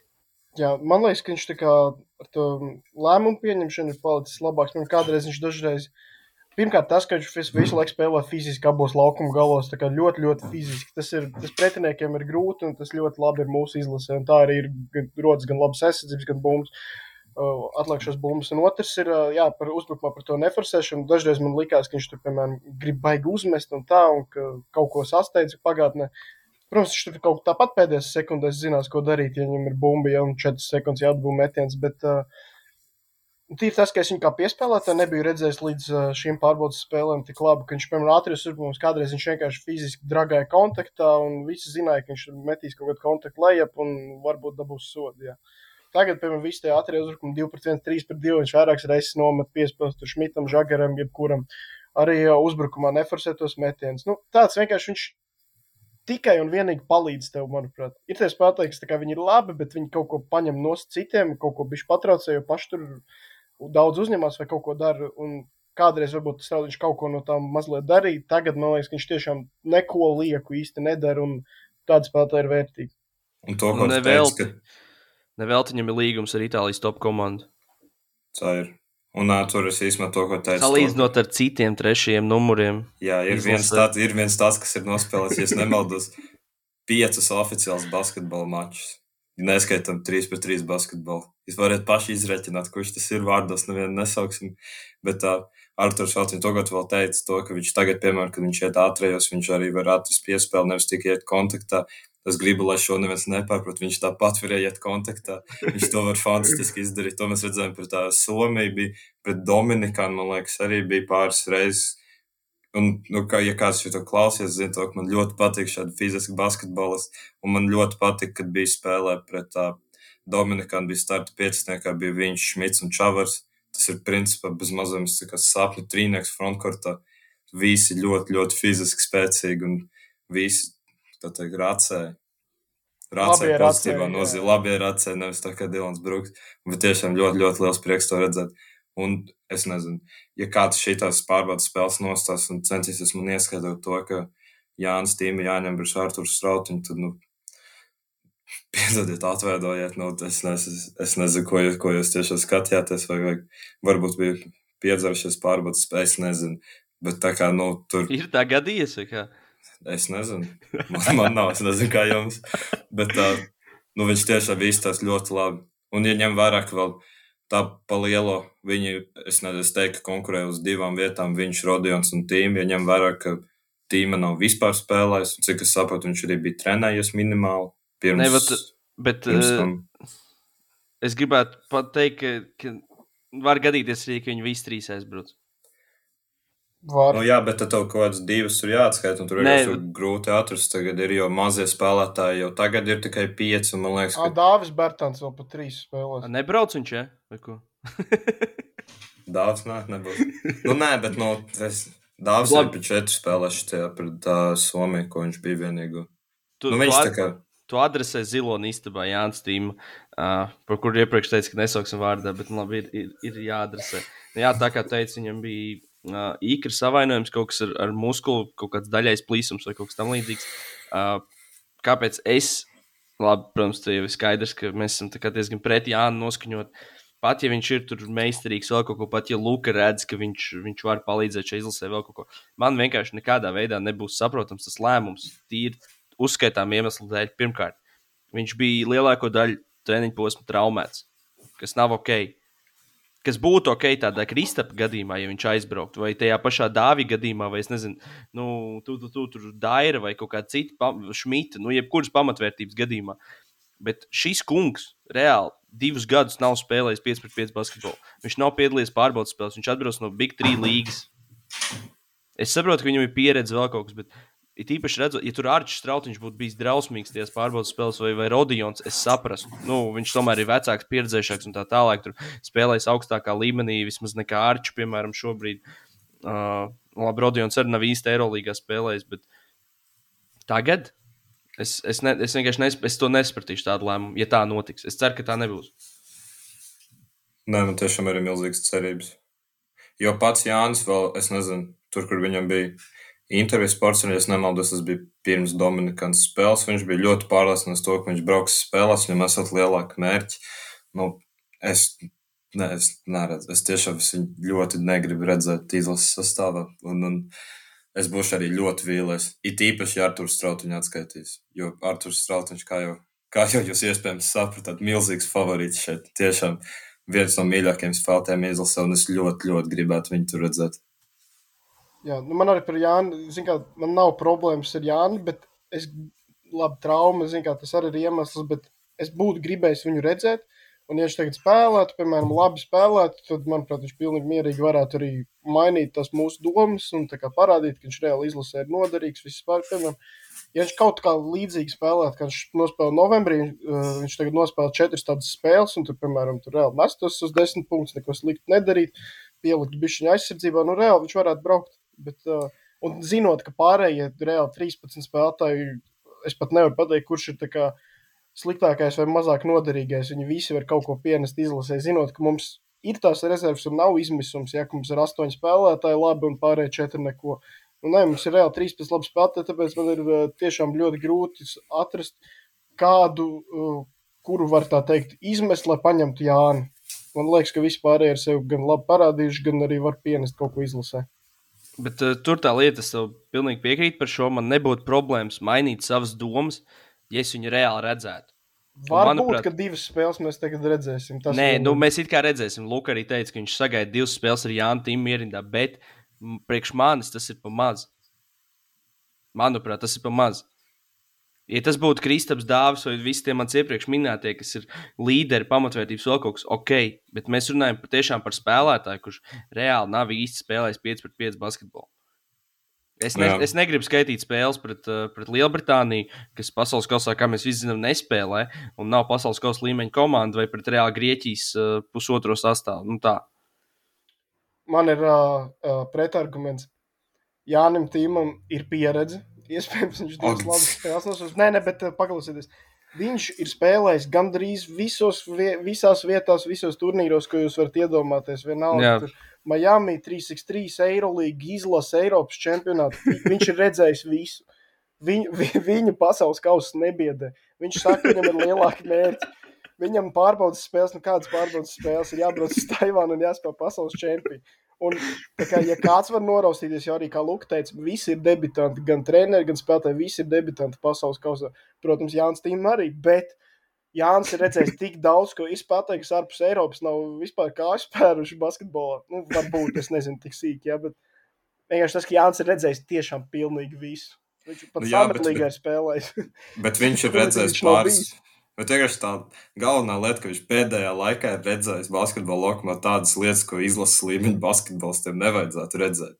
Tāda kā Puerto Rico čempionāta vai arī Big 3 nu, izlases spēlētājiem nav jāspēlē Big 3 līnijā. Piedod, atvaino. Puerto Rico vēl tā, tur pietiekami daudz skaļu vārdu spēlē Vokoks. Viņš tas nav tāds basketbols, ko mēs gribam redzēt izlasē. Nu, viņš arī plus tas, ka viņš tur bija, nu, reāli, cik trīs, nu, trīs varbūt četras, es tagad neatceros precīzi, bet, nu, viņš būtiski nav spēlējis. Un to vienkārši, tas jau basketbola laukumā tomēr runā par pieredzi, saka, ko grib par to pieredzi, bet tev tomēr nedod spēļu praksa arī nodara. Nu, tas ir, ir ieteicams, ka tev kaut kāda vismaz ir. Un tad tagad viņam nav vienkārši nav nekāda. Plus vēl tagad, jūs redzat, piemēram, tad, es nezinu, tas pirmajā spēlē pēc Zviedrijas bija tāds no visiem diezgan vasarīgs basketbols, jo visi nebija kā spēlējuši kādu laiku. Un tad Jānis tagad, cik tur sanāk, piecas dienas pirms čempionāta, viņš būs aptuveni tāds. Un, tad, un vēl pēc traumas. Es nezinu, vai to vajag. Bet paskat, mums ir jāspēlē pret Libānu, mums jāspēlē pret Kanādu, varbūt vēlāk vēl Brazīliju, finālā vēl Ameriku visas šīs komandas. Un uh, kādam varbūt tas var būt kultūras šoks spēlēt pret uh, citu kontinentu komandām. Reikot pret Dominikānu mums arī negāja viegli. Un tad, ja kādam nebūs šis kultūras šoks, tad tas ir Jānis. Bet uh, Šķiet, es, protams, daudz pieduros. Bet, nu, Kanā, Kanādas izlasē jau, Kanādas izlasē jau vairums būs uh, NBA džeki, tomēr, un par tiem jau viņš spēlēs tikai tajos Miami ranos. Kas tur, ir, kā, kas ir pikaps vienkārši. Nu jā, tu vismaz nevaram skatīties pēc kāda nopietna basketbola spēle. Tas ir burtiski treniņš.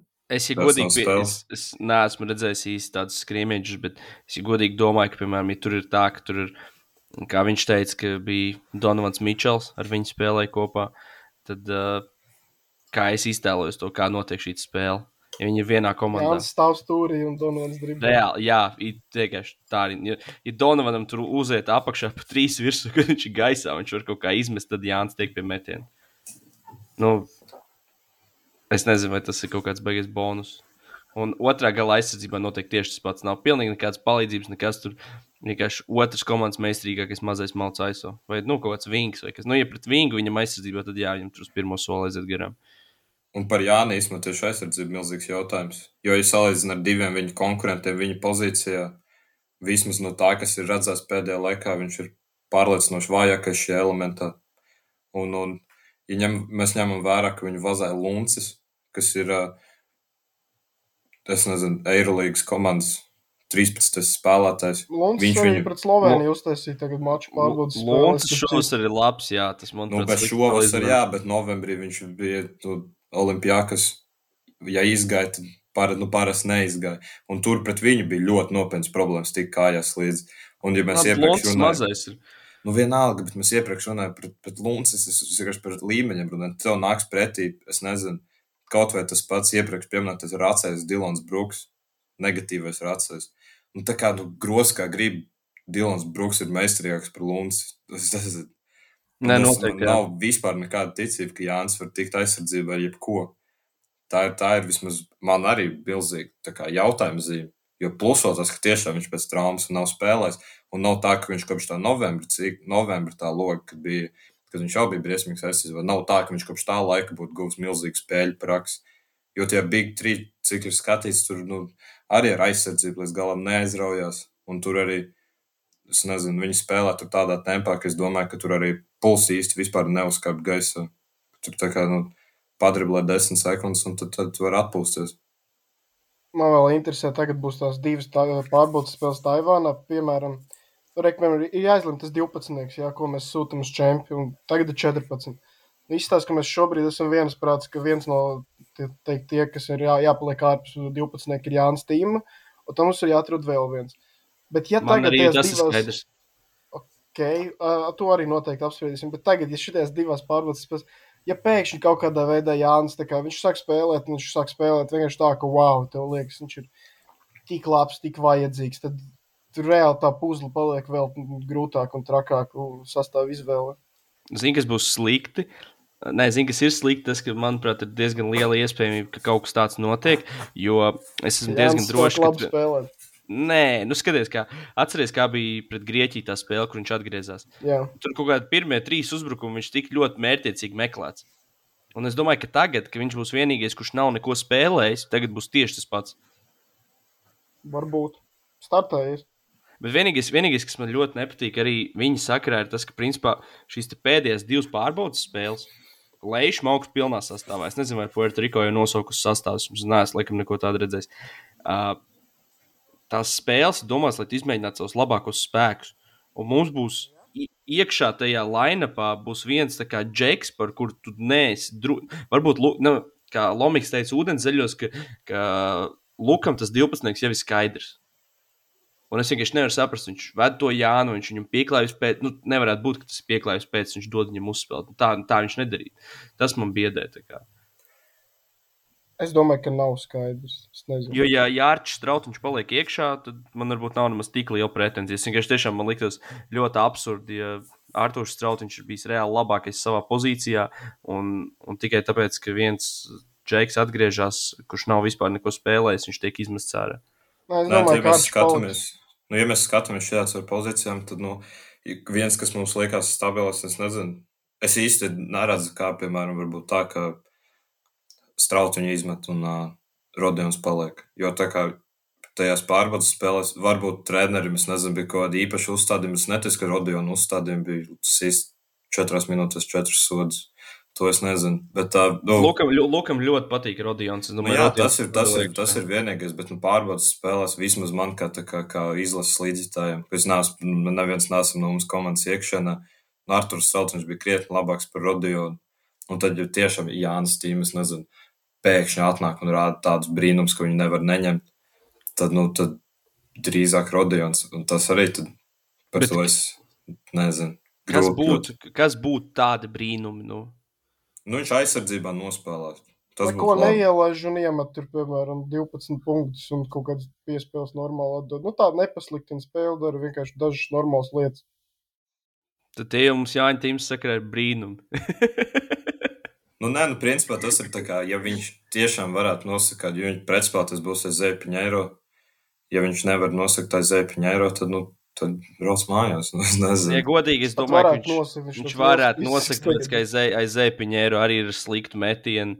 Nu, labi, Nav nav skrējies. slikti, bet tad, jā, nav baigais skrējis. Viņš vienkārši tur postā pret viņu grūstīsies. Nu, cik viņš tur fiziski var izturēt, nu, apmēram. Nu, jā, labi, es nezinu, vēl tas sports arī kaut kas tur vēl ir. Bet, nu, tā kā tas ir man personīgi, es nezinu. Es sagaidu. Nu, Ja viņš tiešām- ar, ja viņš Filipu Vīleru var apstādināt. Es nezinu, Jā, jā, tas- cik viņam liela loma tur ir, bet, bet ja viņš ar Filipu Li- Vīleru var pie stīpas satikties un viņu nobuciet, tad lūdzu, Jāni, brauc. Ja jūs esat Filips Vīlers, ja kas klausītājiem, viņš lec ārā no džima. ja Nu, jūs, Karls kā kluba akadēmijas bijis, es gribu vienkārši nu, pieminēt šo faktu. Tas ir svarīgi. Ja jūs esat Latvijas izlases treneris un šajā mirklī šodien, kamēr mēs vēl nezinām, kā ies nākamajās divās pārbaudas spēlēs, kā, tā kā kāds būtu jūsu 12, jeb uh, kurus divus tad jūs uh, neņemtu 12. Zin, zinot to, ko mēs zinām šodien. Tas, protams, kā var jau- mainīties pēc divām spēlēm. Kā jau mēs laikam vienojāmies, viens ir, uh, viens ir Jānis. Nu, kā, varbūt, es nezinu, nu, man vismaz točs ir kā Jānis neņemt. Un tad uh, otrs ir Aigars. Jo Aigars principā sev parādīja labi pret to Gruziju. Gruziju. Lika mums arī varbūt nedaudz mainīt domas par sevi. Uh, par savu vietu izlasē, bet pēc tam īsti labi viņš tur bija saslims un tā tālāk. Ir dzirdēts, ka viņš treniņos ir bijis labs, bet uh, pret Somiju viņš arī maz laikam spēlēja. Jā, viņš laikam Jā. tikko no saslimšanas bija un Luka Nu, teica, jā, ka negribēja uh, riskēt. Ar, Nu, nu, nu, tur vēl Nu, es, es kaut kā gribētu domāt, ka tas būs tas ietekmējamais faktors, jo ir tur arī cilvēki teikuši, ka varbūt Arthurs Kurts sev nav apliecinājis vēl kaut ko, bet man vienkārši liekas, ka tiešām viņš ir mūsu fiziskākais aizsargs. Un viņš ir uh, spēlējis un trenējis augstākajā līmenī Eiropā. Tāpēc es, es domāju, ka, nu, ka tu nevari mājās atstāt Arču Kurts. vienkārši. Nu, es, Viņš arī no mazajiem ir principā vienīgais tāds, kas ir tā kā, kuram ir aiz, Aizsargs. aizsardzība, tā kā viņas stiprākā puse. Jo, tā kā, piemēram, Žagars Zorika tiešām ļoti talantīgi uzbrukumā, bet, nu, tā kā, pat ja, piemēram, Žagars progresēs aizsardzībā, salīdzinot, es nezinu, pāris gadus iepriekš, ar Artūru Kurts tāpat kaut kas pilnībā cits, un viņš ir vienīgi, vienīgais, tā kā, vienkārši atšķirīgs no pārējiem, tieši savas stiprajās pusēs, tāpēc es arī, es arī nezinu, kā viņu varētu atstāt malā. Bet es Nu, laikam es arī tad aigaru liktu, jo es nezinu, kaut kā gan jau vari to, to ar, ja tev aizbrauc ar četriem gardiem, kas manuprāt gan liekas pa maz, bet uh, tas pats Arturs Strautiņš driblēja. Un uh, labi, viņš laikam vienīgais driblēja no tiem pārējiem. pie Lukas jau ik pa laikam kāds garais pārvaldes. Arī tur gražulis vai šmits. Jā, jā, jā, jā. Es laikam, Nē, nē, es vienkārši domāju, piemēram, to, ka tu to laukumā pozitīvs mums divas spēlētas ar pikantrolu nospēlēt. Tas ir parasti pozitīvi. Un, un tad Strautiņš, man liekas, vienīgais no tiem, kas nav gārdi, kas var to izdarīt. Jā, nu viņi var pat divu, piemēram, arī izlaist. un Tā, bet, uh, nu jā, man uh, es, žēlismāk, ka mēs piekrītam, tad būtu varbūt lielāka diskusija. Man šajā mirklī šodien šeit un tagad arī liekas, ka Aigars un Jānis ir tie, kurus tad uh, vajadzētu atstāt. Nu, pieņemot, ka vispār ir veseli, ja, bet man liekas, ka tur arī ne, neko nekad nevar zināt. Ja. Bet, uh, nu jā, man tāpēc arī nepatīk tāds Toma Lēmaņa jautājums, ka mēs neesam viņu pārbaudījuši, jo tagad sanāk, mums reāli ir divi tādi saspiņķi, tikai Žagars un Zoriks. Un, ja, ja kādam tur kaut kas neiet, vai sāp, vai vēl kaut ko, mēs reāli mēs tik ļoti plāni paliekam tajā pozīcijā. Un, Nu, pārējie ir kombo džeki trīs. Nu, bet tā Dairis, kā- uh, Arturs. Nu, piemēram, nu jā, bet uh, es nezinu, vai cik droši jūs jūtaties, ja Kurts vai Bērtāns vada mums saspēli pret Kanādu un Franciju. Nu, es jūtos drošāk nekā tad, kad bija agrāk hokeja izlasē, kad vārtos bija Kristers Gudļevskis. Tad man likās, ka katrs vērtības vārtos. Tagad es jūtos drošāk. Nu, vienkārši liekas, ka baigi īsi viņš cieņa Kristeram, protams, tas vienkārši man man 50 personīgi- 52 sev pret Kanādu. Jāpiemina vēlreiz. Nē, nu tā tas Kanādas spēle, tā Kanādas spēle, protams, bet uh, jebkurā citā spēlē man bija drausmīgs stress pēc tam. Reāli trīcēja, kad bija rīpa mūsu zonā. Jā, bet, bet es, es piekrītu par to Kurts un Bērtānu. Viņi tā kā var, var pārdriblēt, bet, piemēram, es nezinu, tā, kad, tā, kad, tā, kad Žoriks vai, vai es atvainojos, Žagers vai Zoriks sākā, sāka Žoriks. Žagers vai Zoriks, tā, kad viņi, viņi, kāds no viņiem sāka uzbrukumu, man tā kā ir, es nezinu, negribu pateikt, lielāka ticība, ka mēs tiksim pie laba metiena, nekā, ja, ja kāds cits viņu vada. Tā Jā. vismaz man personīgi tāds iespējas radies. Man vēl liekas, kā, piemēram, uh, ir jāņem arī vērā, jā, tas, ko jūs teicat, ka Artūrs Kurts ir vienīgais atšķirīgs, piemēram, komandā. Ja mums būtu, piemēram, saspičā Tomas Vokaps, tad es droši vien ņemtu šķēli Kurca vietā. Jo mums jau ir Džeks, kas 30 minūtes seks, visu tam līdzīgi, un tagad mums vajag atkal, nu, piemēram, mums būtu vai Žagar vai Zorika vietā Vokaps, jau mums vajadzētu ko, labi, ne, tam mums nevajadzētu trešo pointgārdu, bet, nu, tā, sa- sapratāt, ja mums būtu jau kāds nereāls aizsargs, Varbūt, ka tad es uh, meklētu jau trešo saspiču, jā, jo mums ir plāni ar diviem saspičiem. Jā. Bet tā kā mums nav reāli tāda izteikta lockdown defender, tad uh, man liekas, ka tāpēc arī Arturam Kurcam jābūt. Tad tieši jā, tad, tas, kāda spēlētāja mums ietekmē, ietekmē arī to, kādus mēs ņemam mm, 12. Nekā. Un, un te svarīgi arī piebilst, ka mēs ar naturalizāciju Jā, nenodarbojamies. tas gan. Maiks Džeims gan teica, ka būtu bijis ka- Viņš Bet neteica, nu ka būtu bijis uguns. kaut ko tādu. Jā, man liekas, teica. man liekas, viņš teica, ka būtu uguns bijis. Labi, par Maiku mēs vēl pārunāsim. Uh, varbūt kādā citā epizodē. Bet uh, tu nāc teici, jā, ka mēs, mēs visi piekrītam, bet es, uh, es esmu dzirdējis, uh, ka, ka cilvēki ir arī, kas šaubās par, uh, par Klāvu Čavaru, Andrzej Pasečniku. Un, un tad ir arī duels Gražuls pret Meijeru. Kā jūs skatāties uz, uz šiem, ka varētu neaizbraukt? Nu, ok, mums visiem tas stabilais, simtprocentīgi stabilais ir, ir it kā tīma, kurš nebrauc. Jo par, par tādu šķēli ir tā, ka nu, tur atkarīgs vai mēs braucam uzreiz ar, četriem vai pieciem mazajiem. Bet tas nu, arī var izma- mainīties pēc divām spēlēm. Jā, jā, tā jā, kas, kas, nē, nu, kas, kas izmaina daudz. Un, piemēram, nu, kā jūs skatāties to, ka Aigar vietā varētu nebūt teiksim, Klāvs vai, vai Andrzejs vai nu, labi, Gražuls un, un Meijers. Es, dom, es diezgan droši, ka viņi abi aizbrauks, bet vienkārši ir cilvēkiem diskusijas teiksim, tiem, tieši par šiem diviem kungiem, salīdzinot viņus abus. Man liekas, ka ir jāņem, piemēram, Čavars un Pasašiks. Nu, ja viņi ir veseli, viss ir kārtībā, ja ir jāņem, jo tie ir reāli mūsu vienīgie divi centri. Uh, protams, mēs tur varam small ball spēlēt ar Šmitu vai Gražulu kā pieci, bet uh, es nedomāju, ka to var darīt tik daudz, un tik un tā ir vajadzīgi tie divi centri. Un Gražuls ar Meijeru abi divi ir reāli labi bijuši, tāpēc man ir grūti. Ja, tā kā pirms šīm pārbaudas spēlēm es domāju, ka Meijers varētu būt liekais, tad man šīs spēles viņš ir ļoti, ļoti iepaticies. Viņš Es domāju, aizsardzībā izdara visu darbu, arī kā tur citi ir teikuši, tu vari viņu iemest jebkur, vienalga, tur 3, 4, 5. Nu, viņš tāpat viņš kaut ko labu atnesīs komandai. Viņš arī nesautīgs, viņš piespēles dod, garš, var iesprāst, nosegt, kaut ko izdarīt. Nu, reāli ļoti vērtīgs. Un man Un pat to, pārsteidzošā kārtā es gribētu vēl sarunā iemest Rodionu Kurucu, jo man viņš neliekas tāds līdz galam pārliecinošs. Ar tiem sodiem, ar to, man liekas, ka viņš dažreiz tā nedisciplinēti nospēlē aizsardzībā. Arī, piemēram, viņam ir četras piezīmes četrās minūtēs, tad viņš uznāk laukumā. Un tu zini, ka tev ir četras piezīmes un ir trešās ceturdaļas sākums. Un tik un tā visur liek to savu roku, mēģina kaut ko trāpīt pa bumbu. Un tu nekad nezini, 50-50. Dažreiz tu pat nevari trāpīt pa bumbu, bet tāpat kaut kur baksties. Nu, tā mēs Serbijai zaudējām izbraukumā pret Teodosiču. Ir kaut kādas lietas, kurām es neusticos. Un, piemēram, pēdējā minūtē laukumā tiešām būtu noteikti Arthurs Trautiņš vai jebkuru citu ne, ne Rodionu turēt. un Tad viņš tāpat arī līdzīgi kā Meijers. Viņš ir garš, viņš var sekt, viņš var visu kaut ko izdarīt ar to savu lielo augumu, bet viņš arī man tāds nestabils liekas, teiksim tā. Viņam dažreiz, tā, kad skatos, skatos uz Rodēnu, tad viņš vienkārši mēģina, nezinu, tā kā par daudz izdarīt. Kas varbūt izklausās to, bet es, viņš to, to vienmēr mēģina izsist bumbu ārā. Tā, tā kad nevajag. Tur pat nerunāt par, šo, par to Serbijas spēli, kur tas bija visacīm redzamākais un bija viss. Labi, tur nebija super nopietnas sekas, bet nu, spēle tika principā, principā pēc tā arī zaudēta. Viņam šīs pārbaudas spēlēs arī diezgan, diezgan regulāri kaut kas tāds gadās. Vai arī viņam, es nezinu, kā viņ, viņš pateica toreiz pēc Brooklynas pirmās sezonas, viņš grib vairāk driblēt. Tad es arī saprotu, kāpēc treneris viņam nepiekrīt īsti. Jo nu, ar to vienkārši tur viņam diezgan ik pa laikam. Es nezinu. Viņš tā kā ik pa laikam var izdarīt tiešām kaut ko ļoti labu, aiz, aiziet viens pats ātri uzbrukumā un iemest, bet tad brīžiem viņš vienkārši, es nezinu, mēģina kaut ko driblēt aiz muguras vai kaut ko tādu, un tad tur vienkārši pazaudē bumbu.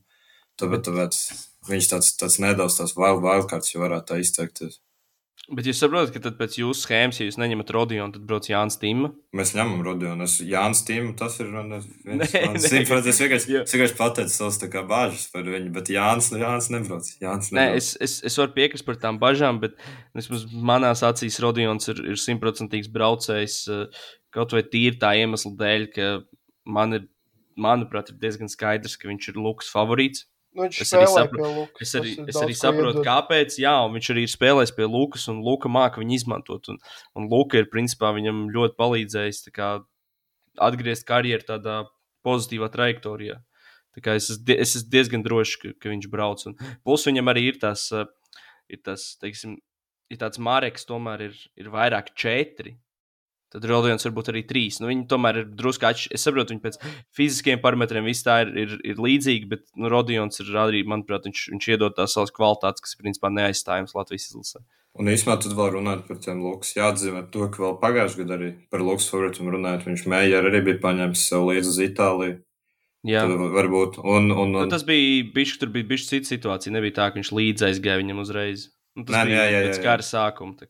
Prot, protams, protams. Un vēl par to pašu gražulu jāatzīmē to, ka pirmkārt, kā viņš iemet to Daigeru pret Dominikānu un arī spēlē pret Somiju. Vienā no ceturtajām, man liekas, pēdējais uzbrukums bija uz viņu zīmēts, ka viņi izlaiž speciāli laukumā. Ja ir gala lauts, jā, un ir kaut kāds trīs sekundes, tad ir uz to, ka gražulis viņš pieliks bloku. Iespējams, pretinieks nomainīsies, un viņš tā kā noturēs to savu mazo paprasīs bumbu un ir lejups vai floaterīts. Tur arī lejas arī tiešām... tā paša kombiņa, viņi ir iemetuši uz gražu. Un viņš ir tiešām gražos kopumā arī ļoti, ļoti stabili un labi izcies. Priekšpēdējā, atvainojos, pēdējā spēlē bija otrs rezultātīvākais, un, un arī plus vēl tas viņš aizsardzībā. Viņš kaut kā, kaut kā, viņš ir viens no tiem, kam arī uz blokiem tas saucamais čujas ir. To, ka tas arī iepriekš bija jau citas gads, var redzēt, ka viņš, viņš nav, nav super garš. Kā Anģiem tehniski būtu vieglāk nobloķēt bet kaut kā Andrēs māca uzlikt īstajā brīdī. Tā kā čau. Tāpēc, principā, tāpēc tur dot tiešām tas tā ļoti grūti. Bet vismaz es ceru, ka es vienu lietu, es ceru, ka Lūkam būs pašam jāpieņem šis lēmums, ko atskaitīt, nevis, nevis kā spēlētāja veselību izlems. Jā, tas būtu būt ļoti svarīgi īstenībā. Tas, tas, to, to, to, tas ir galvenais, manuprāt, tagad. Jo, tie, jo ja mēs atskaitām, atskaitām Jānu, tie pārējie 13 tur tiešām ir ļoti, ļoti grūti atrast lieko. Jo pat to, ko mēs pirms tam visi puslīdz vienojāmies par Aigaru. Aigars arī viņš nav bijis slikts pārbaudas spēlēs. Viņš ir bijis labs. Viņam arī laba sezona bija. Un, un tas nav, nav viņš tik viennozīmīgi arī vājākais. Tas ir. Tāpēc Lokam noteikti. Lokam gan jau krietni liela krietni lielāks galvas sāpes. Jā, būs. un Aigars arī uh, būtu kā, kā vēl viens saspičs uh, reāli gadījumam, ja Žagam Zorika vajag palīdzību, teiksim tā, vai vēl kādu vajag, jā. Viņš to opciju iedod. Galvenais, lai viņš flauters nemet. No jā, jā, tas man ir. Man nelūdz PTSD no tiem flauteriem. Tie tie man nepatīkams atmiņas dzīvē uzreiz reiz. Bet labi, kaut kas, kaut kas vēl? Mēs, à, nu, es tīri par citām komandām. Es gribu tādu jautājumu pētīt. Uh, labi, vai viss piekrīt, ka Amerika ir favorīta pasaules kausā? Nu, ir noteikti. Tur talants neapšaubāms. Nu, it īpaši šobrīd, kad, kad uh, daudzas komandas tomēr ir palikušas bez saviem kaut kādiem vadošiem spēlētājiem, līderiem. Nu, Amerika, protams, ir talantīgākā komanda. Un, nu, jā, okay. Jums tā nešķiet? Es, es arī tā nu, domāju. Nē, nē, 100%. Es domāju, ka Amerika vinnēs. Viņiem tur arī, man... tur, ja par zariem runājam, tad viņiem ir uh, vieglāk zars līdz finālam. Jā, protams. Labi, bet mans nākamais jautājums ir, kura jūsuprāt ir otra stiprākā izlases čempiona? Tas man liekas tāds ļoti interesants jautājums. Šobrīd? Nu, jā. Tā kā pi- Nu, labi, vai kura būs pēc divām nedēļām, trīs Nu, nedēļām? nē, tā jau, tā jau, tā jau prognoze. Es nezinu. Man kaut kā. Es gribētu. Nē, es pat nezinu, cik tas Latvija, bet kas vēl? Tad trešo stiprāko gribi. Nē, nu, man, man, reāli, man reāli liekas, ka no kaut kādām sešām stiprākajām komandām četras ir divās grupās. Mūsu grupā ir Francija, Kanāda, un tad tā bija laikam E grupa, kur bija Austrālija un Vācija. Jā, Un vēl, vēl Serbija arī tomēr. Slovēņi vienmēr kaut kur grozās. Un Spānija arī. Nu, tur ļoti es- es par- Bet par Slovēņiem- Man liekas, normāli. Slovēņiem īstenībā bija Es ļoti par Slovēņiem nebūtu. pārbaudas spēles. Viņiem ļoti slikts pārbaudas spēles, viņiem ir tur, uh, nav arī tur nekāds Uber sastāvs bez lukas, un man kaut kāda tā sajūta, ka, ka tomēr tas luka ir kaut kā atkosts, un, un, un, un tie poļi parādīja, kā viņi ierobežot. Poļi. Jā, Nu, bet tā tas, bija. tas- Nē, nu jā. Bet tur tiešām man liekas, ka tā kā ir, ir ā, ASV numur viens, un tad tālāk ir ļoti tuvu. Tie tā kā tie favorīti. Tur patiešām grūti izcelt vienu kaut kādu vēl. Ko, ko jūs atbalstīsiet bez Latvijas izlases? Austrālija kā vienmēr. Austrālija, ok. Es par Spāniju, par veterāniem.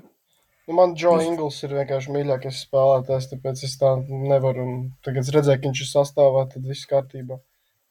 Tad nu, Leišs arī tā kā, nu, viņiem nav pilns sastāvs, bet arī nevar norakstīt. Tur Es domāju, ka le, leiš, no, par leišiem, kā jūs domājat, man liekas, viņiem jāuzvar grupa. Ir Melnkalna, Eģipte, Meksika. Jā, jāvina. Melnkalna būs diezgan, diezgan jaudīgs pretinieks, bet viņiem ir, ir ko likt pretī groza apakšā, un tad ir vienkārši Vaidam Kariņauskam, kurš es nezinu, kā viņš tika līdz tai Taivānai, kā viņi paņēma sastāvu, bet viņam jāapstādina Kendriks Perijs. Šis man ir kopumā īstenībā milzīgi mistērija, kā Kariņos tika izlasē. Tās divas viņam- spēles, ko es redzēju pēc Francijas, viņš bija drausmīgs, tiešām Jā. drausmīgs. Labi, te jāņem vērā, ka viņam bija visi tie atteikumi un tam līdzīgi, bet nu, tāpat nu, mums nav neviens no Rumānijas. Man, Nu, mums labi, bija tas ka- tā, nu, Rumānijā nav slikts čempionāts. Nu, nē, nē, bet tas vienkārši nu, viņš parakstīja mažēķus. Viņš neparakstīja. Nu, jā, viņš tur ir Anģis Misters. Nu, jā, nu viņš neparakstīja Kaunijā rītas vai lietu, viņš parakstīja mažēķos, kas ir, man liekas, viņi tikko, tikko promoted vai kas. Bet viņš, viņš ir bijis iepriekš rītās arī, man liekas. Nu, jā, bet nu, labi, tā ir milzīga mistērija, kā viņš tur nonāca. Bet, uh, Ah, un, Protams. un interesanti arī, kamēr, uh, kamēr mēs joprojām nenaturalizējam, kas ir kopumā labi, tad tikmēr cits izlases jau ved uz treniņu nometnēm divus naturalizētos un liek viņiem sacensties par vietu. Piemēram, uh, Slovēņiem ar, ar šo te ar, ar Tobiju konkurēja Jordans Morgans vai Džemārs Morgans. Jordans Morgans, man liekas, viņš bija. Um, Melnkalnei ar Kendriku Periju uh, konkurēja Džona Radebo no Valencijas. Un, uh, tā, kad es pētīju kandidātus, uh, viņš bija ierakstīts burtiski tā kā nevis tā kā rakstās, tā kā Jonah Radeba Uguhu, bet viņš bija Džona Radeba. Tā kā oh. Melnkalnis būtu, un es vispār es nezināju, es, es nesapratu, kas par džeku ir. Es tā kā googlēju, meklēju. un man tikai, tikai pēc tam pielicis, ka tas ir viņš. Jā, um, tiem pašiem grieķiem bija Es tieši gribēju pieminēt, viņi pārbaudas spēlēs labi izstījās. Un izstāsta, ka viņiem ar lēšiem tur, nu, ja favorīti tur visu uzvar, tad varētu būt tāda tā kā izšķiroša spēle par tikšanu astotniekā, pēc tam otrajā turnīra fāzē. Un, uh, nu jā, Grieķis arī nevar norakstīt. Man Tomas Vokaps vēl ļoti patīk, un kā viņi pret Slovēņiem nospēlēja ar Lunds. Un vispār tā olimpijakas kultūra, es jau visu sezonu esmu bijis olimpijakas fans. Un, uh, nu, man arī bija prieks redzēt, tur te pašu Papa Nikolau, Lunds, Vokaps, visi kopā spēlē. Un, uh, nu, joprojām gan olimpijakas ir spēks, gan arī līdz ar to Grieķija arī ir spēks. Bet uh, es tāpat, es, es, es braucu ar lēšiem. Es viņus nekad negribu norakstīt. Tas gan Viņi- kāds viņiem sastāvs. Lietuva vienkārši, nu, tur. kaut kā viņi, viņi kaut kā atrod ceļu. Kaut kā vienmēr viņi ielavās iekšā. Citu, ja nemaldos, uh, arī tad, kad bija desmitā gada pasaules kausa. Es tagad neatceros precīzi, bet man liekas, ka viņi arī tad nebija labākie sastāvā. Toreiz viņi dabūja vienīgo bronzu. Es atceros, viņiem, nemaldos, pamats saspēlnieks bija uh, cilvēks, kuram ar vēju slikti beidzās attiecības. Toms Delinins Kaits. Jāatcerieties tādu. Tas, protams, VF sistēma tas samaksā normāli. Jā, nebija leģenda. treneris viņiem tad. Nebija Jons Kazlausks. Nu, tur Kozlausks vai Bultāls viņi tur, man liekas, uz maiņām. Viens no viņiem parasti ir, Un asistentos noteikti Ginters Krapiks. protams, Ginters Krāpīgs arī. Vi- Visu laiku viņš kaut ko asistē, kaut kur vai. Pagaidām, Algrī tagad nav. Vai... Ir, ir vēl liekas, jā, kopā ar Tautvīdu Sabonu. Bet, nu, tie lietuvieši kaut kā, viņiem arī tiešām ļoti laba grupa. Un es, mēs varējām būt Malkalnas vietām izlozā. Bet, diemžēl, Tāpat arī- diemžēl, tāpat tas arī- prieks izpalika. Tāpat arī man šķiet, ka, piemēram, tāda Grūzija, kas uh, principā kvalificējās pasaules kausam ar pēdējo aizsardzību, vispār kvalifikācijā pret Īslandi. Uh, es arī domāju, ka piemēram, viņi ies ārā no grupas, jo viņiem bija Slovenija, Venecuēla un Kabaverda. Laikam. Valsts par Un- kabu vērdi. Nē, nē, es par Spāniju. Ārpus Latvijas. Kaba verde. Kaut kā jau, Kaba verde naudas nebija. Viņi, man liekas, kaut kāds fundraisers taisīja. Jā, viņi ir aizbraukuši uz Ameriku, un tur ir kaut kāda tā kā. Uh, diasports pasākumi, kuros viņi vienkārši tā kā sēž un tur kaut kādas idejas notiekās. Viņas tā kā sveic, tur rāda kaut kādu to kaba verdiešu kultūru, un viņi kās naudiņas kopā tur, lai aizbrauktu. Ir Īsumā runājot par bēdīgi. naud, par šādām naudas lietām, vēl tagad notiek Olimpiskie pirms kvalifikācijas turnīri, un tur uh, Bosnijai atkal bija problēmas. Bija pirms Eiropas čempionāta, ka viņam tur vispār nezināja, viņa aizbrauks. Un tad tagad, cik saprotams, tur nekas daudz labāk nav palicis. Jādzīvo četriem kungiem vienā gultā istabiņā, jo ļoti, ļoti smaga situācija ar naudām. Tas, tas bija žēl. Nu, vēl lieta, ko es gribu pieminēt, ir, ka es joprojām esmu bēdīgs, ka Argentīna nav šajā pasaules kausā, tad es domāju, ka tiešām visas tās labākās komandas būtu uz vietas. Un, nu, es gribētu, piemēram, skatīties. Bulgārija nespēlē arī. Bulgārija nespēlē, Turcija nespēlē, bet tur nevar bēdāties, jo mēs paši esam pie tā vainīgi, viņi nespēlē. Un, nu jā, teiksim tā, es tagad aizmirsu, bija vēl kaut kas sakāms, bet, uh, nu, jebkurā gadījumā fantastisks turnīrs, beidzot Latvija ir un uh, nevar sagaidīt. Es vēl īstenībā Itālijai sekošu, tāpēc ka man ļoti patīk, ko treneris Paceko dara ar to komandu. Plus tur spēlē viens no maniem mīļākajiem basketbolistiem, Simons Fontekio, kurš, es domāju, būs atkal izcils. Un arī kopumā ļoti interesanta komanda, jo viņiem pretī nāks eh, Karls Antonius Towns. Un viņiem ir, viņi principā, ja nemaldos, garākais džeks bija Melī vai Luka Severīnī, kuriem ir pāris centimetri virs diviem metriem. Viņi tā tīri bez, praktiski bez centriem brauc uz, uz, uz turnīru. Un arī tāds pats Lukas Severīnī, kurš ir vienīgais nominālais centrs.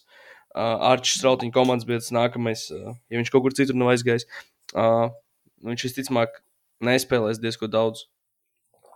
Bet no viņa ar mēlī viņa apturēja Jokiču pirms uh, gada. Nē, tāpēc tu saku, es, es, ieteiktu, garajiem. Sēpturēji viņi vienkārši nomētāja otrā galā. Nu, labi. es ieteiktu, es ieteiktu negulēt uz Itālijas, tā teikt, ja mēs, ja mēs visu latviskojam. Uh, jo es domāju, ka viņiem, labi, viņiem arī tur ir iztrūkumi.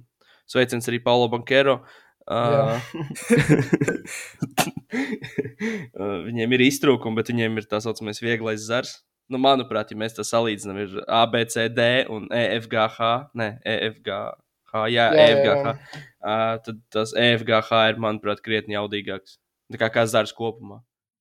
Jā, nu, noteikti. Augšējā, augšējā zarā ir uh, Amīšs, Serbija, Grieķija bez superstariem. un Lietuva. Un, un, nē, Lietuva ir tur. Lietuva ar Grieķiju un Amīšiem spēlēs otro kārtu. ah, pareizi, jā, jā. un tad jā, nāks jā, klāt jā. Serbi un Itāļi. Nu, un Dominikāna vēl, kur, Jā, jā, jā. Kur es būtu jā. līdzi kā tāda galva no melno zirdziņa visā turnīrā, ja viņi būtu pilnā sastāvā. Bet tagad nu, redzēs, kā būs. Un Tāpat nevajag jā. uzgulēt uz viņiem, jo Kanāda viņu kaut kā piemānīja tikko.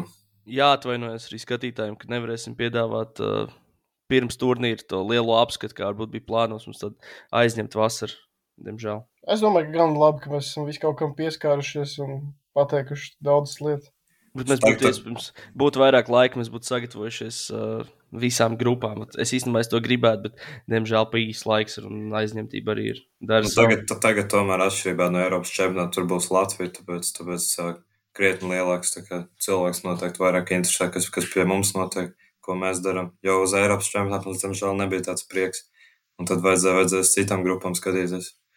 Tagad Es tāpat skatīšos to arī citas grupas. Nē, nē, protams, to, ka tagad vairāk uz sevi var fokusēties. Beidzot, pēc sešu gadu pārtraukuma. Jā, Bet, nu jā, nevaram vēl apsolīt, kā būs uh, ar ierakstiem pasaules kausa laikā. Bet uh, noteikti pēc pasaules kausa jau, jau pie, pieķersimies labākajiem klubu turnīram pasaulē, Olibēra līgai. Tieši tā, tieši tā. Tā kā jā, vēl Nu, ko- kaut kas noslēdzam, ne? Nē, es Man domāju, liekas- ka mēs varam beigt. tā kā Jā. Uz zemi Latviju un aiziet. Nu. Starp Jā. citu, ja, mēs vēl neesam atrisinājuši video jautājumu, bet uh, šo epizodu visi trīs uh, ierakstījām Latvijas izlases krēklos. Jā, ka Tas bija patīkami. zinātu. jā. Mans muguras ir Dailis, numur 9. man ir no Dairas numur 9. Ah, okay. Man Nav Dailis. Dailas. Tā kā tā. Paldies, No klausieties. Paldies visiem. Čau. Mūsu zem Latvija.